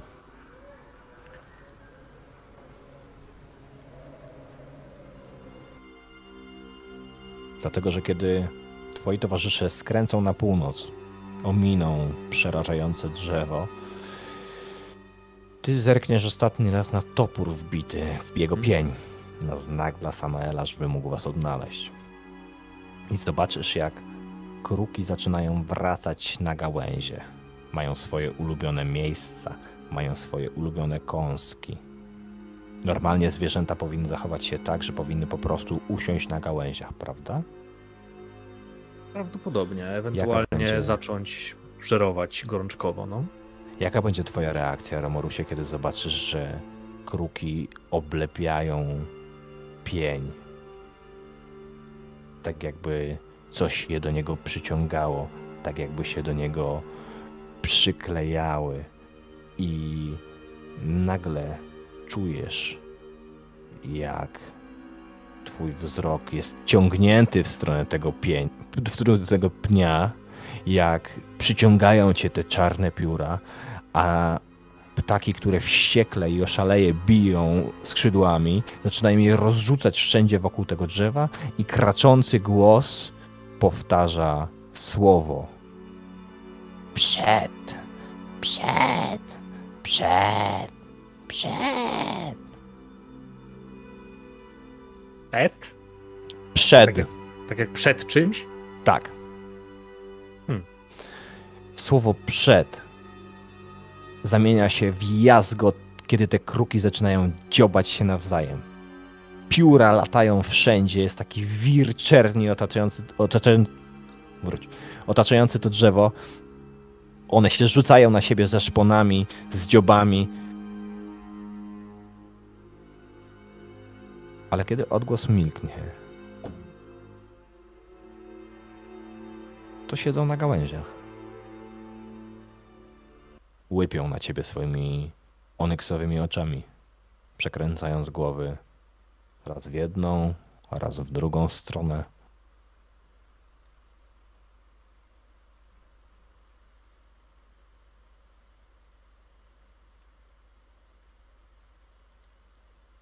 Przed. Kruki. Dziwna ta dolina, prawda? Dziwna ta dolina. Bardzo różna od tego, co było w Broku. Tam przynajmniej człowiek wiedział, na czym stoi.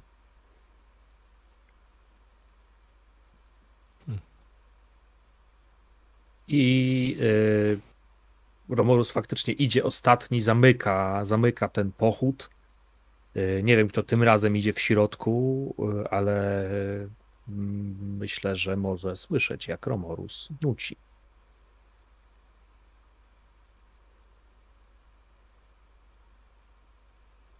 To jest takie w sumie dosyć upiorne, jak ten, y, który mało co się odzywa, nagle zaczyna nucić. To jakby efekt jest taki, jak to takie kołyszące się dziecko z horrorów, które śpiewa kołysankę, które jest zupełnie nie na miejscu. Bo to też jest coś w rodzaju kołysanki, takiej bardzo powolnej pieśni.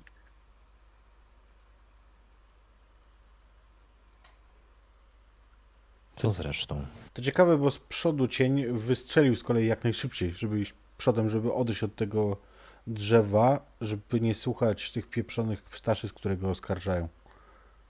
I, I tych wisielców, którzy mają pretensje.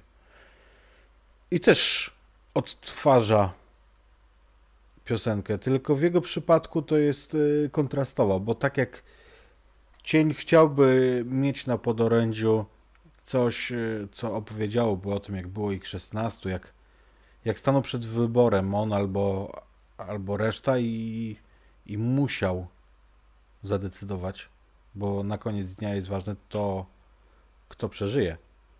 To ja nie znam nic, co mogłoby mi pomóc w takiej, w, w przekazaniu takiej emocji, więc ta melodia, którą nuci cień, to tak jak większość jego melodii pochodząca z karczmy w murowanej piwnicy tańcowali. I tutaj pierwszy raz się obejrzy na to drzewo. Zbójnicy. I przyspieszą kroku.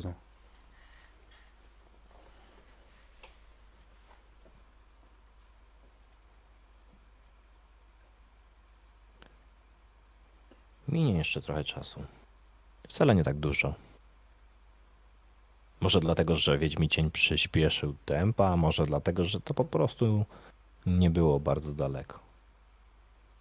Ale w pewnym momencie, kiedy zrobi się już dosyć ciemno, Irina będzie się trzymała blisko cienia, a pieśń Ramorusa pewnie już się skończy. To dojdą was dźwięki muzyki. Tak.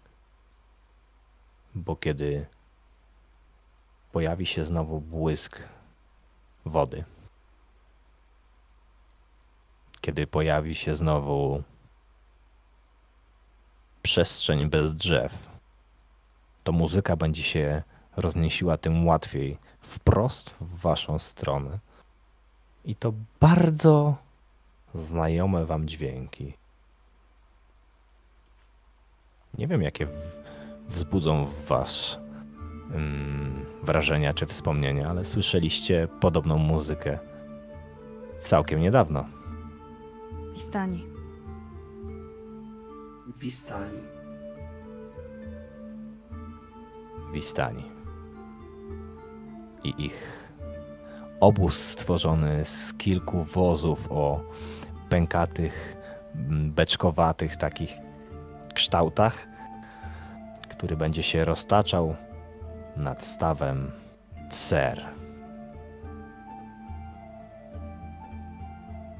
Ale do niego dotrzemy w następnym odcinku. Romorus śpiewa. Uff, ale było. Dzięki serdeczne. Takie sady takich drzew dawaj, no to więcej takich drzew. Ty naprawdę chcesz Aokigahara kolejny raz. Tak, to, nie, nie żebyśmy wczoraj grali sesję o lesie, w którym byli wisielcy, ale dobrze, dawaj, dawaj, dawaj. Jestem Kenku, nie? To japońskie straszydło, tak lorowo. Coś w tym, coś w tym, coś w tym deseń. Słuchajcie, no... To się tam będzie trochę zagęszczać. Bo wy dużo daliście od siebie. Więc to będzie wracać. Stąd na przykład dzisiejsza wizja Romorusa była bardzo mocno zakorzeniona w jego pomyśle. Zresztą to, co zobaczył cień, też. Ale to się w przyszłości jeszcze okaże. Słuchajcie, serdecznie Wam dziękujemy za spędzony wspólnie czas. Zachęcamy Was do aktywności w postaci komentarzy. Wizję miał Romorus. Pozwoliłem sobie rozstrzygnąć remis, a teraz zachęcam Was do tego, żebyście zostawiali komentarze i w tych komentarzach, żebyście mi powiedzieli, napisali, zasugerowali i podrzucili pomysł, co ciekawego bohaterowie będą mogli znaleźć w opuszczonej wieży. Łatwe. Do Magicznym- artefakty. Łagi, magiczny miecz plus jeden. A! Wziąłeś sobie do serca to, co powiedziałem. Dobrze. Być może to będzie magiczny miecz plus Nie, jeden, ale gra, ja grałem liczę, Baldura. że w komentarzach dacie mi znać flet. co, Hmm. ale też kto. Głosujemy tak jak zwykle. W komentarzach dajcie znać, któż natknie się na to znalezisko z naszych bohaterów. Miejmy nadzieję, że już będziemy w komplecie, więc wybierajcie spośród całego zespołu. Zostawcie po sobie komentarz, lajka i ewentualnie zachęcamy Was też do subskrypcji, odwiedzenia naszych mediów społecznościowych, tudzież Patronite'a. Zapraszam na jutrzejszą sesję do Ainaka na Świat Mroku. W niedzielę może będzie niespodzianka. W poniedziałek poździoch. Dziękuję moim graczom. A rajd leci do GM Hata, gdzie nasz, Na po, Cyberpunka. gdzie nasz Finał. ponury dzisiaj gra. I Hirtus to prowadzi. Tak. I Hirtus, czyli nas, prospe, nas prospekt tam y, prowadzi. Mhm. Oruch. O, ja nie lubię. Ja ciężko przemęczy, przemęczyłem Cyberpunka 2077. Ale to dlatego, że setting mi nie leży. 2.20 reprezent. Wiesz co, y, grałem za młodych lat w 2020, potem grałem, jak w sensie mm, stwierdziłem, dobra, jakby tamta edycja sprawiła, że znienawidziłem setting, no ale dam szansę y, Redowi. I zagrałem w y, Bytomiu w Reda i stwierdziłem, że nic się nie zmieniło i nadal choruję na ten setting i obejrzenie e, Edge Runnersów i zagranie w grę tylko mnie utwierdziło w tym przekonaniu. Ja strasznie choruję na setting Cyberpunka. A jeżeli ktoś lubi taki setting, to Jeżeli ktoś lubi taki setting, to oczywiście zapraszam i absolutnie y, moje biadolenie nie, nie bierzcie za miarodajne, bo ja po prostu y, jestem przekonany, że y, heroiczne czyny, czyny muszą być nagradzane, a nie karane. No ja powiem. Ale dobrze, wyślimy stronę. może ich e, z tym rajdem, bo e, nie zdążą. A Wyślijmy, to a tylko powiem, że jeżeli chodzi o Cyberpunka, tylko że na dobrej mechanice, bo wzięte jest Cyberpunka, to w tym miesiącu będą jeszcze dwie sesje, które Frycu nam poprowadzi. O, a Dwudzie- swoją 20 drogą. i 29 e, stycznia, 29 na Wośpie, ale będzie składzik. Uuu, niedługo wam No, ogłosimy. gruby jest na pewno. O, no to Słuchajcie- to może ktoś mądry mi wyjaśni, bo ja nie, nie miałem okazji za przeczytać chwilę. podręcznika. To poczekaj, to Enter już wciskam na right. Bywajcie, moi drodzy. A my w Dlaczego? kuluarach będziemy się wyjaśniać. Dlaczego Cyberpunk Dokładnie. to jest Cyberpunk? W Jeszcze sensie, jesteśmy na wizji. Familiatka, nie- mój drogi, nie familiatka. nie przeszkadza mi to zadać pytania, bo to jest tak nieprecyzyjne. W sensie, Ale jak będą pytania i nie zdąży być odpowiedź, no to już kiepsko, prawda? ludzie niech się zastanawiają. Już polecieli.